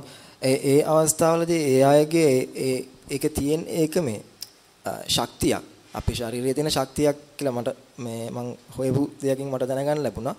ඒ ඒක අපිට මේ පාලනයක් කරගන්න කියන්නේ පාලනයේ ශක්තිය මාරු කරනවා. ශක්තිය මාරු කරනවා හැඩ. ඒ හැඩ මාරු කළාම එයා තුළ වෙන වෙනම පේන්න පටන් ගන්නවා. කියන්නේ එයාගේ ශක්තිය මාරු කරනවා. ඒ ශක්තිය මාරු කරන කොටස තමයි වහන්සේ කිව්වේ අර සංවාසන කෙනෙක්ට එකපාරම වෙන දෙයක් පෞරුෂය වෙනස් කරන්න කියලා. දැන් කාමයේ තියෙන එක්කෙනෙකුට ලාලිත්‍ය වෙනවා. තරහ තියෙන එක්කෙනෙක් ආඥාදායක වෙනවා. ශක්තිය මාරු කරනවා. ශක්තිය මාරු කරන පෞරුෂය වෙනස් කළ කරගන්න. ඒව කරන්න පුළුවන් වෙච්චර දේවල් නෙමෙයි. ඒ ඔය කියන ඉස්සක ඉස්සල කරන්න ඕන. කළා අර tamun අකමැති දේ තවුන්ට කරන්න හිතෙන්නේ නැති දේ කොහොම හරි කරන්න ඕන. මුලින් අකමැත්තෙන් කළා පස්සේ පොඩ පොඩ ඒකට කැමැත්ත හදාගෙන ඒක තමයි ජීවිතේ වෙන්නේ. එච්චර අර හැමතිස්සෙම මතක තියාගන්න ඕන ළමෙක් දත්ම දෙන උපමාව. හරිම අකමැත්තෙන් දත්ම දිනෝ පස්සේ එයා නැගිට්ට ගමන් එයාට ඕන පළවෙනි දේ බූර්සුව. ඒ කියන්නේ මේ අපේ ප්‍රශ්නයක් තියෙනවා. මේ ප්‍රශ්නේ අපි තේරුම් නොගෙන ඉන්න නිසා අවුලක් තියෙනවා. මම ප්‍රශ්නේ තේරුම් අරගෙන මේ අවුල ලියා ගන්නවා. එතන මට කැමති වෙන්න අකමැති වෙන්න කියලා කිසිම දෙයක් නැහැ. මට ජීවිතයේ ඕන දෙයකට මම ලෑස්ති. මම මරණයට ලෑස්ති. තමන්ගේ ජීවිතයේ තියෙන එන හැම දෙයක් දිහාම හොඳ නිරීක්ෂණයක් කරන්න. අර අර අහුවෙනවා සමහරක් කොච්චර තමන් සමහර තමන්ගේ තියෙන දුර්වලකම් දකින්නවා. ඒ දුර්වලතාවයන් වැඩි කරන ඒ දුර්වලතාවය දකින්න ඕන. දුර්වලතාවය දකින්න ඕන. දුර්වලතාවය තේරුම් ගන්න ඕන. දුර්වලතාවය තියා ගන්න ඕන. ඒක ඇල්ලන් ටිකක් ගැලපෙන්නේ නැහැ වගේ. දුර්වලතාවය තියා ගන්න ඕන ඒත් මගේ දුර්වලතාවය තමයි මට අවදි වෙන්න කියලා කියන්නේ මට අවදි වෙන්න කියන්නේ මගේ දුර්වලතාවය. මට නිවැරදිව මාව නිවැරදි කරවන්නේ මගේ දුර්වලතාවය. මගේ දුර්වලතාවය තියෙන නිසා තමයි මට ඕන හැමතිස්සෙම චේන්ජ් වෙන්න. ඒකයි මං කියන්නේ දුර්වලතා දුර්වලකම් තියෙන මිනිස්සුත් එක්ක මම යනවා දක්ෂතම් තියෙන මිනිස්සු අවිසි කරනවා කියලා. දුර්වලතාවය තියෙන කෙනා ගොඩ යන්නේ හැමතිස්සෙම. දක්ෂ කෙනා හැමතිස්සෙම ඔළුව යොදුම්මගෙන මම දන්න කෙනෙක් කියලා හිතාගෙන ඉන්නවා. දුර්වල කෙනා මට මොකුත් බෑ මම මේවත් ආව හදා ගන්න ඕන මට මේකත් බෑ. එහෙම එයා හිත හිත නිවැරදි වෙන්න දඟලනවා. අන්න එයාට මේ මාර්ගේ වැටහෙනවා. අතරම දුර්වලතාවයන් තමයි අපිට හරියට මාර්ගය කියලා දෙන්නේ. අනිවාර්යයෙන්ම. වඩා බොහෝ දුර්වලතාවයන් තියෙනවා නම් ඒක නා මේ නිවනට ළඟයි. එහෙම. නිවනට ළඟයි. ස්වර්ගයට ළඟයි. ගැලවීමට විමුක්තියට එයා ඊටාම ළඟයි. දක්ෂතාවලින් හුඟා පිරුණොත් එයාගේ ඔළුව ඉදිමිලා තියෙන්නේ. එයා එයාට වටිනකම් දෙනවා. එයාගේ හැකියාවල් ගැන එයා ආඩම්බර වෙනවා. එතකොට එයාර මාර්ගයෙන් පස්සෙන් පස්සට කියලා දුරස් වෙනවා. සමහරව කැමති නැහැ තමන්ගේ දුර්වලතාවයන් පෙන්වන්න. ඒවා හංගගෙන අර සාමාන්‍යසේ කියනවා වගේ ඒ දේශනාවේ තියෙන විදිහට මට වෛරයක් නැහැ, කාමයක් නැහැ බොරු තවත් මූණක් දාගෙන එහෙම ජීවත් වෙන්න උත්සාහ කරනවා. ඒක තමයි එයාගේ සසර. ඒක තමයි එයාගේ සසර. ඒක කිසි ප්‍රායෝගික නැහැ. ඒවා ඒවා ටික දවසකදී එයාටම එපා වෙනවා. වෙන්නේ එයාටම එපා. කිසිම කෙනෙකුට තමන් ළඟ නැති දේවල් පෙන්වන්න ඕනේ නැහැ. ඇත්තටම තමුන්ට තියෙන විදිහට ජීවත් වුණා නම් මං කියන්නේ ඒක ගොඩක් සාර්ථකයි. තමුන්ට දැනෙන දේවල් එක්ක තමුන්ට හිතේ තියෙන ස්වභාවයන් එක්ක ඒ ස්වභාව වෙනස් කරන්න යන්න එපා හිතේ තියෙන මේක මගේ හිතේ තියෙන ස්වභාවය. මේක මට මානසික වශයෙන් වදයක් වෙන එක විතරක් අයින් කරලා දාන්න. ඒක මානසික වදයක් වෙන්නේ ඒකට බැඳිලා තියෙනනම් හෝ ඒක ප්‍රතික්ෂේප කරනවා නම්. ඒ දෙපැත්තෙම දෙපැත්තම නිසා අපරවාද කියන අපි අපක් අල්ලගත්තත් එතනත් ප්‍රශ්නයක් අපේ හිතවල් දෙනවා. අපි ඒක ප්‍රතික්ෂේප කරත් හිතවල් දෙනවා. ඒ දෙකෙන්ටම ඒ දෙක නැතුව හිටියනම් හරි. ඒ දෙක නැතුව අර ඔක්කොම ටික තියෙන්න හරිනවා.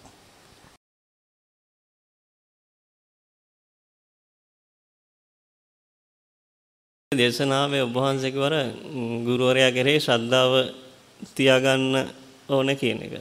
එතකොට දැන් අර ගුරුවරයෙක් කෙරෙහි ශ්‍රද්ධාව තියාගන්නවා කියන එකෙන් අර ප්‍රායෝගික මගින් වෙන් වෙලා ටිකක් අර දේවාගම වගේ දෙයක් නෙමෙයිද ඒ කියන්නේ. මොකක්ද මට පැහැදිලි නෑ අහන ප්‍රශ්නේ. ඒ කියන්නේ ස්වාමීන් වහන්සේ දැන් ඒ කියන්නේ ඔබ වහන්සේ කැමති නම් විතරයි කෙනෙකුට මේ මේ නිවන් මගේ යන්න ඉඩ දෙන්නේ වගේ අදහසක් නෙමෙයි දෙකෙන් තියෙන්නේ ඔබ වහන්සේට ගෞරවයක් තිබුණොත් විතරයි ශ්‍රද්ධාවක් තිබුණොත් විතරයි නේද මේ මගෙන් දැන් මේ මේ නිවන් මාර්ගට මිනිස්සු තෝරන්නේ මමද?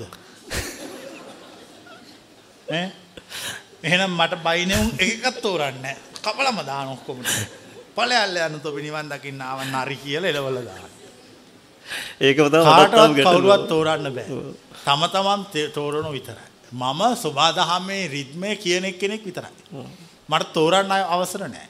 තෝරන විදිය කියලා දෙන්න පුළුවන්. ඔය කියන්නේ ඔබ වහන්සේගේ නමක් ගමක් දන්නේ නැතුව ඔබ වහන්සේගේ දේශනයක් YouTube එකෙන් ඇහුවොත් කවුදවත් දන්නේ නැතුව ඒක නටත් පුළුවන් මේ මග යන්න. අනිවාර්යෙන් පුළුවන්. මම ගෑනු හඬකින් කතා කරනවා. මහා විෂ්ණුන් වහන්සේත් මෝහිනී අවතාරයෙන් පෙනී සිටිනවා. ගෑණියෙක් වගේ ඇවිල්ලා මහා විෂ්ණුන් වහන්සේ ඉන්නවා. එතකොට කවුරුවත් මං ආන්නේ මහා විෂ්ණුන් වහන්සේ කෙරෙහි භක්තියෙන් ඉන්න මිනිස්සෙක් මෝහිනී අවතාරය දැක්කහම ඒ සද්ධාව තියෙනවද කියලා. අර දර මිනිස්සු විශ්ණු දැකලා තියෙන්නේ චක්‍රායුධයක් තියාගෙන දක්ෂිනාවෘත සංකේ අතේ තියාගෙන වජ්‍රේ මේ චක් මේ මොකද්ද යගදහව තියාගෙන නිල් පාටින් මහා විශ්ණු සැර විදියට මෙහෙම ඉන්නවා. මෙන්න එක පාටම අම්මණ්ඩි කෙනෙක් ඉන්නවා කොණ්ඩේ වනාගෙන මෝහිනී අවතාරයෙන් ඇවිල්ලා. ඒත් මහා විශ්ණුමයි. දැන් මං අහන්න ඔයාලට ශ්‍රද්ධාව උපදින්නේ මොකටද? මෙතෙක් කලක් සංස්කෘතිකව පුරුදු වෙච්ච විශ්ණුට. කොවලන් මං කියන එක තේරෙනයි. එයා සංස්කෘතිකව දැකලා ඉන්නේ අර චක්‍රායුධ අරෝමේව දරාගෙන ඔටුනු දරාගෙන නිල් පාටින් බබලමින් ඉන්න මහා විශ්ණු දැක්කම ශ්‍රද්ධාව පහළ වෙනවා. මෝහිනී අවතාරය දැක්කට ඒක යාට පහළ වෙන්නේ නැහැ. ඒ වුණාට දෙන්නම කවුද? කියන්නේ. එතෙන්දී දේශනාව නේද ස්වාමීන් වහන්සේ? දේශනාව නෙමේ තමන්ගේ හිතට දැනෙන දේ වැදගත්. ඊට පස්සේ අපි ඇවිල්ලා කියනවා මේ මහා විසුණු වහන්සේ මෝහිනී අවතාරයෙන් වැඩම කරලා ඉන්නේ. ශ්‍රද්ධාව ඇති කරගනින්. එතකොට ටක් ගාලා මොකද්ද වෙන්නේ? එතකොට ආයෙ ශ්‍රද්ධාව ඇති කරගන්න. මම ඔබෙන් ප්‍රශ්නයක් අහනවා. ඔබ ඇත්තටම ශ්‍රද්ධාවෙන් හිටියේ මහා විසුණු වහන්සේ කෙරෙහිද මා කෙරෙහිද කියලා? මම කෙරෙහි. මම කියනකොට මහා විසුණු වහන්සේ මෝහිනී අවතාරයෙන් ඇවිල්ලා ඉන්නේ කියනකොටම එයා ශ්‍රද්ධාව ඇති කරගන්නේ විෂ්ණු කෙරෙහිනේ මම කියන වචන කෙරෙහි. කොබලන්න තේරිච්ච අය. ඒතකොට එයාගේ ශ්‍රද්ධාව තියෙන කවුරු කෙරෙහිද? මම කෙරෙහි. එතකොට එයාට විමුක්ති මාර්ගය දේශනා කරන්න ඕන මහා විෂ්ණුන් වහන්සේද මමද? මම දේශනා කරන්න ඕන. මහා විෂ්ණුන් වහන්සේ එතකොට මට කියනවා එයාගේ ශ්‍රද්ධාව තියෙන්නේ මං කෙරෙහි නෙමෙයි උඹ කෙරෙහි. උඹ එයාට විමුක්ති මාර්ගය කියපන්. මම එතකොට එයාට විමුක්ති මාර්ගය දේශනා කරනවා. මහා විෂ්ණුන් වහන්සේ බලන් ඉන්නවා. කොබලන් මේ කතාව තේරිච්චා? ඒ රූපය වෙනස් වුණාට මැසේජ් එක එකයි. ඒ පුද්ගලයා ශ්‍රද්ධාව හැමතිස්සෙම පිහිටුවන්නේ එයා දැකලා පුරුදු හැඩයකට. මං කියන්නේ ඒක වැරදි කියලා. ඒක වැරදි කියලා කියන්නේ. දැන් අපි අර පවගේ දාසේ බුද්ධ ගයාව ගිහිල්ලා දිල්ලි කෞතුකාගාරේ දැක්කනේ මෝහිනී අවතාරේ. බලන්න ඒගොල්ලෝ කොච්චර ලස්සනට ඒක හදලා තිබුණාද කියලා මහා විශ්වනාථේ මෝහිනී අවතාරයෙන් එන එක. ඒ හොඳ නිර්මාණයක්. ඉතින් කයේ දකින්න කවුරුවත් දන්නේ නැහනේ මේ කවුද ඉන්නේ කියලා. ඒ ඉන්නේ මහා විශ්වනාථේ. මෝහිනී අවතාරයෙන් ඉන්නේ. හිතන්නේ මේ ලස්සන ගෑනු රූපයක් මේ ලෝකේ තියෙන ලස්සනම ගෑනු රූපේ මේක වෙන්නේ නැති කියලා. මහා විසුණුනාන්සේ ඉන්නේ. ඒත් ගෑනු රූපයක් කියලා කතා කළොත් මොකද්ද වෙන්නේ? තෝ කවුද යකෝ කියලා අහන්නේ. ඇයි ඉන්නේ මහා විසුණුනාන්සේ? මම කියන එක තේරෙනවා. ඕගොල්ලෝ රැවටෙනවා ඉතින්. ස්වාමීන් වහන්සේ දැන් අර ඇත්තටම දැන් අපි ටික ටික ඉහළට යනකොට අපිට අර රූපේ ගැන තියෙන ශ්‍රද්ධාව අඩු වෙනවනේ. ඉතින් ඒක වෙන්න ඕනනේ. ඒ රූපේ ගැන තාම සද්ධාව තියෙනම් අර විසුණු පටලැවිල්ල තියෙනවනේ තාම. ඒ කියන්නේ රූපේ මොන රූපෙද? කවුද මේ? භෞතික. අඳුර ගන්න බැරි වෙනවා. දැන් බුදුන් වහන්සේගේ පිළිමයක් වුණත් අපි ඉස්සර ගොඩාක් ගරු කළාට දැන් එහෙම ලොකු ගරුත්වයක් අර පිළිමයකට නෙමෙයි අර අපි ළඟම දැන් ඉන්න වගේ ඔය ඉතින් බුදු පිළිමයට ගෞරව කරන්න ගියොත් පිළිමේ ලොකු වෙනකොට ගෞරවෙත් ලොකු වෙන්න එපා. 88 රියන් 100 වගේ පිළිමයක් ළඟට ගියොත් ආයේ ගෙදර එන්න හම්බ වෙන්නේ නැහැ. මොකද සද්දාව වැඩි වුණා පිළිමේ ලොකු වැඩි මං එතන නැවතුණා. දැන් දැන් එහෙම දෙයක් නැහැ ස්වාමීන් එහෙම දෙයක් නැහැ. ඈ එහෙම දෙයක් කොහෙද තියෙන්නේ? ඔක්කොම අපි හිතලා අපි හදාගත්ත පිස්සු. එහෙම එකක් කොහෙද තියෙන්නේ? මේ ග- ගඩොල් වලට ශ්‍රද්ධාව පහළ වෙනවා. ඒ නැතිනම් ගඩොල් පෝරණුවක් හොයාගනි. සිමෙන්ති කම්මලකුයි ගඩොල් පෝරණුවකුයි වැලි වැලි පැට්ටරියකුත්. ඇත්තරම සද්දාව පහළ වෙන්න ඕන ගඩොල් වලට සිමෙන්ති වලට වැලි වලට වතුර වලට. තීන්ත කඩවලට. ඔය ටික තමයි පිළිමයක් කියන්නේ. මං කියන්නේ පැහැදිලි. මැසේජ් එකට සද්දාව පහළ වෙන්න ඕන. ඒ කියන ඒ දේශනාවෙන් තමුට දැනෙන දේට සද්දාව පහළ. ඒකට පුද්ගලයෙක් නෑ වචන නෑ කිසිවක් නෑ. ඒක තමුට දැනෙන එකක් විතරයි. ඒත් අපෙන් අහනවා ඔයාට දැනෙන එක මොන වගේද? ඒක වචන වලට කියන්න බෑ. ස්වාමීන් වහන්සේ මේක දැන් මේ ධර්මයටම නම් එච්චරම දාන්න නැහැ. නමුත් ස්වාමීන් වහන්සේ දැන් රහතුන් වහන්සේ හැම කෙනෙකුටම ධර්ම දේශනා කරන්න පුළුවන් ඒ කියන්නේ චතුර බව සමානව පිහිටිනවා පිහිටනවා. පිස්සු කතා කරනවා. ඒක කොහොම වෙන්නේ? ඒක තමයි. ඈ?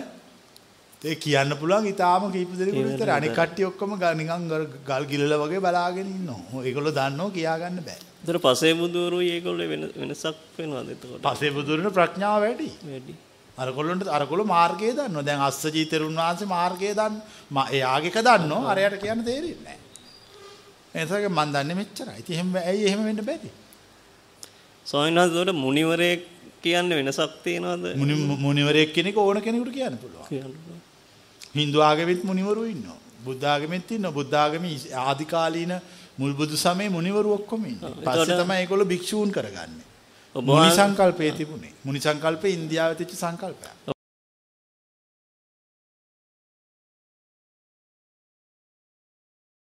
ඉතින් ඒගොල්ලන් එක්ක මමත් ඇත්තට මමත් ගොඩක් මත්ද්‍රව්‍ය පාවිච්චි කරලා තිනවා. මොකද මේ හිතේ තියෙන දුක නැති වෙන්න සැනසීම හොයන්න මම ඒ දේවල් වල කරලා තිනවා. ඊට පස්සේ රාගය හොයාගෙන ගිහිල්ලා තිනවා සැනසීම සතුට තියනවද කියලා බලන්න. මොකද පොඩි කාලේ ඉඳලා මම සතුටක් වින්දේ නැහැ. අම්මා කොච්චර මේව කරත් සතුටක් වින්දේ නැහැ. මම බැලුවා සල්- සල්ලි වලද රාගයේද සහ එතකොට යාළුවෙක් එකතු වෙලා මත්ද්‍රව්‍ය පාවිච්චි කරන එකද ඒකද සතුට කියලා. හැබැයි කිසි දේ- දෙයකින් සතුටක් හම්බුන්නේ නැහැ. අන්තිමේදී මම මේ රටේ ඉන්නකොට මට මේ වැඩ කරන්න නැතුව මම මාස ගණන් මේ රූම් එකට වෙලා ඉන්නකොට මේ මම Facebook එකේ එක ගෑනු ළමෙක් මට හම්බුණා. සහ ඒක යාළුවෙක් වගේ.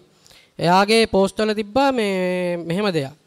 මේ හැමෝම බැන්නට සමන්තරබද්දර හාමුදුරුවෝ කියන දේ මොකක් හරි ඇත්තක් තියෙනව නේද කියලා මට හැඟුණයි කියලා. මං ඊට පස්සේ කල්පනා කරා මමත් බැන්නනේ ඉස්සර. මොකද මිනිස්සු බය නිසා මමත් හිතුවා මේ ඇත්තටම බුදුදහම මේම වැරදි දෙයක් කියන්නේ එහෙම කියලා. මොකද අපිත් මේ හිතන් හිටි පොඩි කාලේ ඉඳලා අපිට සුජාතා දේවින් ආන්සර දෑවැද්ද දෙනකොට ගව පට්ටියක් දුන්නලු.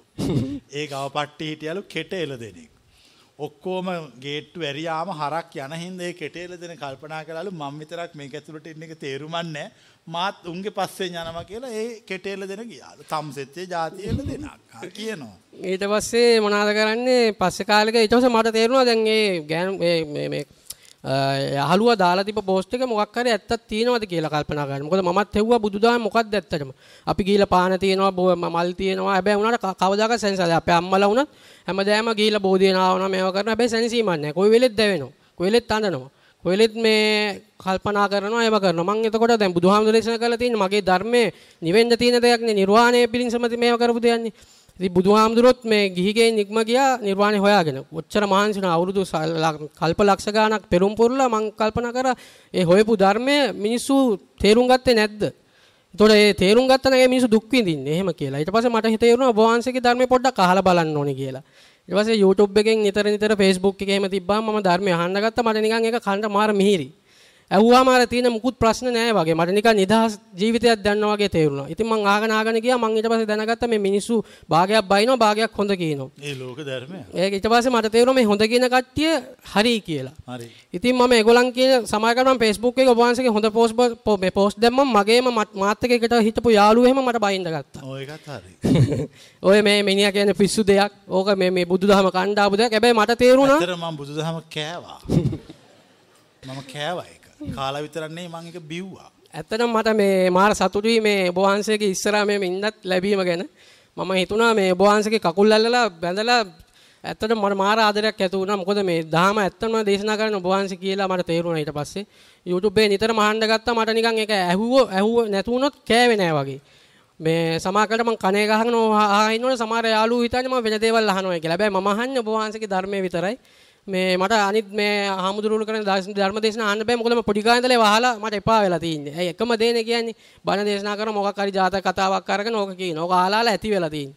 ඊට මට තේරුණා මොකද්ද මේ ජීවිතේ ඇත්තටම සතුට තියෙන්නේ මොකද්ද කියලා අහගෙන අහගෙන යද්දි ඔබ වහන්සේගේ දරුණු හැබැයි මේ දරුණු වචන තියෙනවනේ එක එක. ඔව්. ඒවා මට මට වැඩක් නෑ ඒක අදාළ නෑ. ඒවා වැඩක් කරගන්න යන්න මට ඒව අදාළ නෑ. මට ඕනේ ඔබ වහන්සේගේ ඇත්ත මොකද්ද ඒ අර නිදාසේ කියන වචන ටික අහන්න විතරයි ඕනුනේ. කොමාරේ මට මේ ඒවත් මට හැබැයි මතක තියාගන්න වහන්සේ කියලා තියෙන මගේ මතක තියාගන්න කියලා. මාර්ගය දේශනා කළාට අතේ තියෙන චක්‍රායුධයයි සංකයකුයි යගදාවකුයි. ඒ වුණාට කියන්නේ නිවන් දකින්න හැටි. ඉතින් මේ ක්‍රිෂ්ණා විමුක්ති මාර්ගයේ දේශනා කරාට යුද්ධෙහි හරි දක්ෂයෙක්. ඊට- යුද්ධ කරන්න ක්‍රිෂ්ණත් එක්ක කාටවත්. ඒ වුණාට විමුක්ති මාර්ගයේ දේශනා කරන්නේ. මං කියනවා පැහැදිලිද? පැහැදිලි. ඊට පස්සේ මේ ඊට පස්සේ ඊට පස්සේ ඉන්න මම තව එකක් කියන්න දවසට. මහා විෂ්ණුන් වහන්සේ වාමන අවතාරයෙන් පාලුණයින් පස්සේ වාමන අවතාරේ විමුක්ති මාර්ගයේ කිව්වට මහා දරුණු දේවල් කරන රජවරු පවා මරලා දැම්මා. එක් මපිත් එහෙමයි. හොඳ නම් හොඳ වානම් වා පෝනම් පෝ. ඒ අපේ විදිය. ඊට අපි ඒක පස්සේ හංගන්න එක අපේ විදිය. කැමති නම් එන්න පුළුවන් බැරන යන්න පුළුවන්. ඒ යුක්තිය ඒ ධර්මය එහෙමමයි. ඒ කාටවත් මුකුත් කරන්න දෙන්නේ නැහැ. ධර්ම ටික ගන්න එපා මෘදු ටික ගන්න. ඊට පස්සේ මේ මම මේ දැන් ඔබ වහන්සේ කියලා තියෙනනේ අපේ ආගම විනාශ වුණේ වෙන ආගම්වල දේවල් එකතු වුණ නිසා කියලා ජෛන ආගමත් එක්ක ඊට පස්සේ මම කල්පනා කරා මොකද්ද මේ ඇත්තටම මේක ඇත්තක්ද කියලා බලන්න ජෛන ආගම ගැන පොඩ්ඩක් බැලුවා බැලුවා මට තේරුණා ජෛන ආගමේ තමයි මුලින්ම හිටපු ඒ ශාස්ත්‍රුන් වහන්සේ අර ඇඳුම් නැතුව. ගිහිල්ලා මිනිසුන්ට එයාගේ තිබ්බ සේරම එයා රජ කෙනෙක්නේ දීලා වෙල්ලා දා- හැමෝටම ද- දුප්පතුන දීලා එයා කැලේ ගිහිල්ලා කිසි දෙයක් නැතුව නිකන් හැමදේම අතහැරලා හිටපු දෙන්නේ ඉතින් මම කල්පනා කරා ඒ ඒක ඒකත් හරියන්නේ නැහැයි කියලා මට තේරුණා.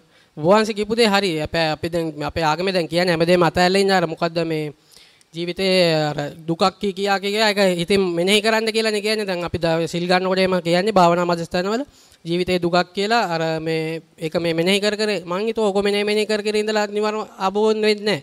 නිවන කියන්නේ ඊට වැඩිය දේ- මේ ලොකු දෙයක්. ඊට පස්සේ මම බැලුවා බුදුහාමුදුරන්ගේ බුද්ධ සිරිතේ චරිත කතාව හැමදේම හොයලා බැලුවා. YouTube එකේ තියෙන හැමදේම Google වල search කරලා බැලුවාම ඇත්තටම මේ එක බේම එකක් මට තේ- තේරුණා බුද්ධ චරිතේ හරියටම ලියලා තිබ්බ එකක් ඉන්දියාවේ.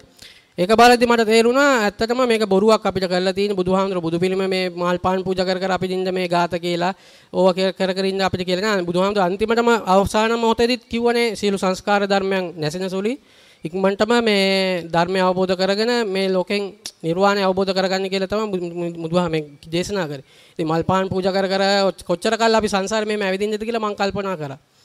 ඉතින් මම ඊට පස්සේ ඔබ වහන්සේගේ ද- ධර්මයේ ශ්‍රවණය කරනකොට මට තේරුණා මේ මුකුත්ම නැතුව කිසි දෙයක් දුකක් නැතුව මොකවත් හිතන්නේ නැතුව නිදාසින්න කියලා.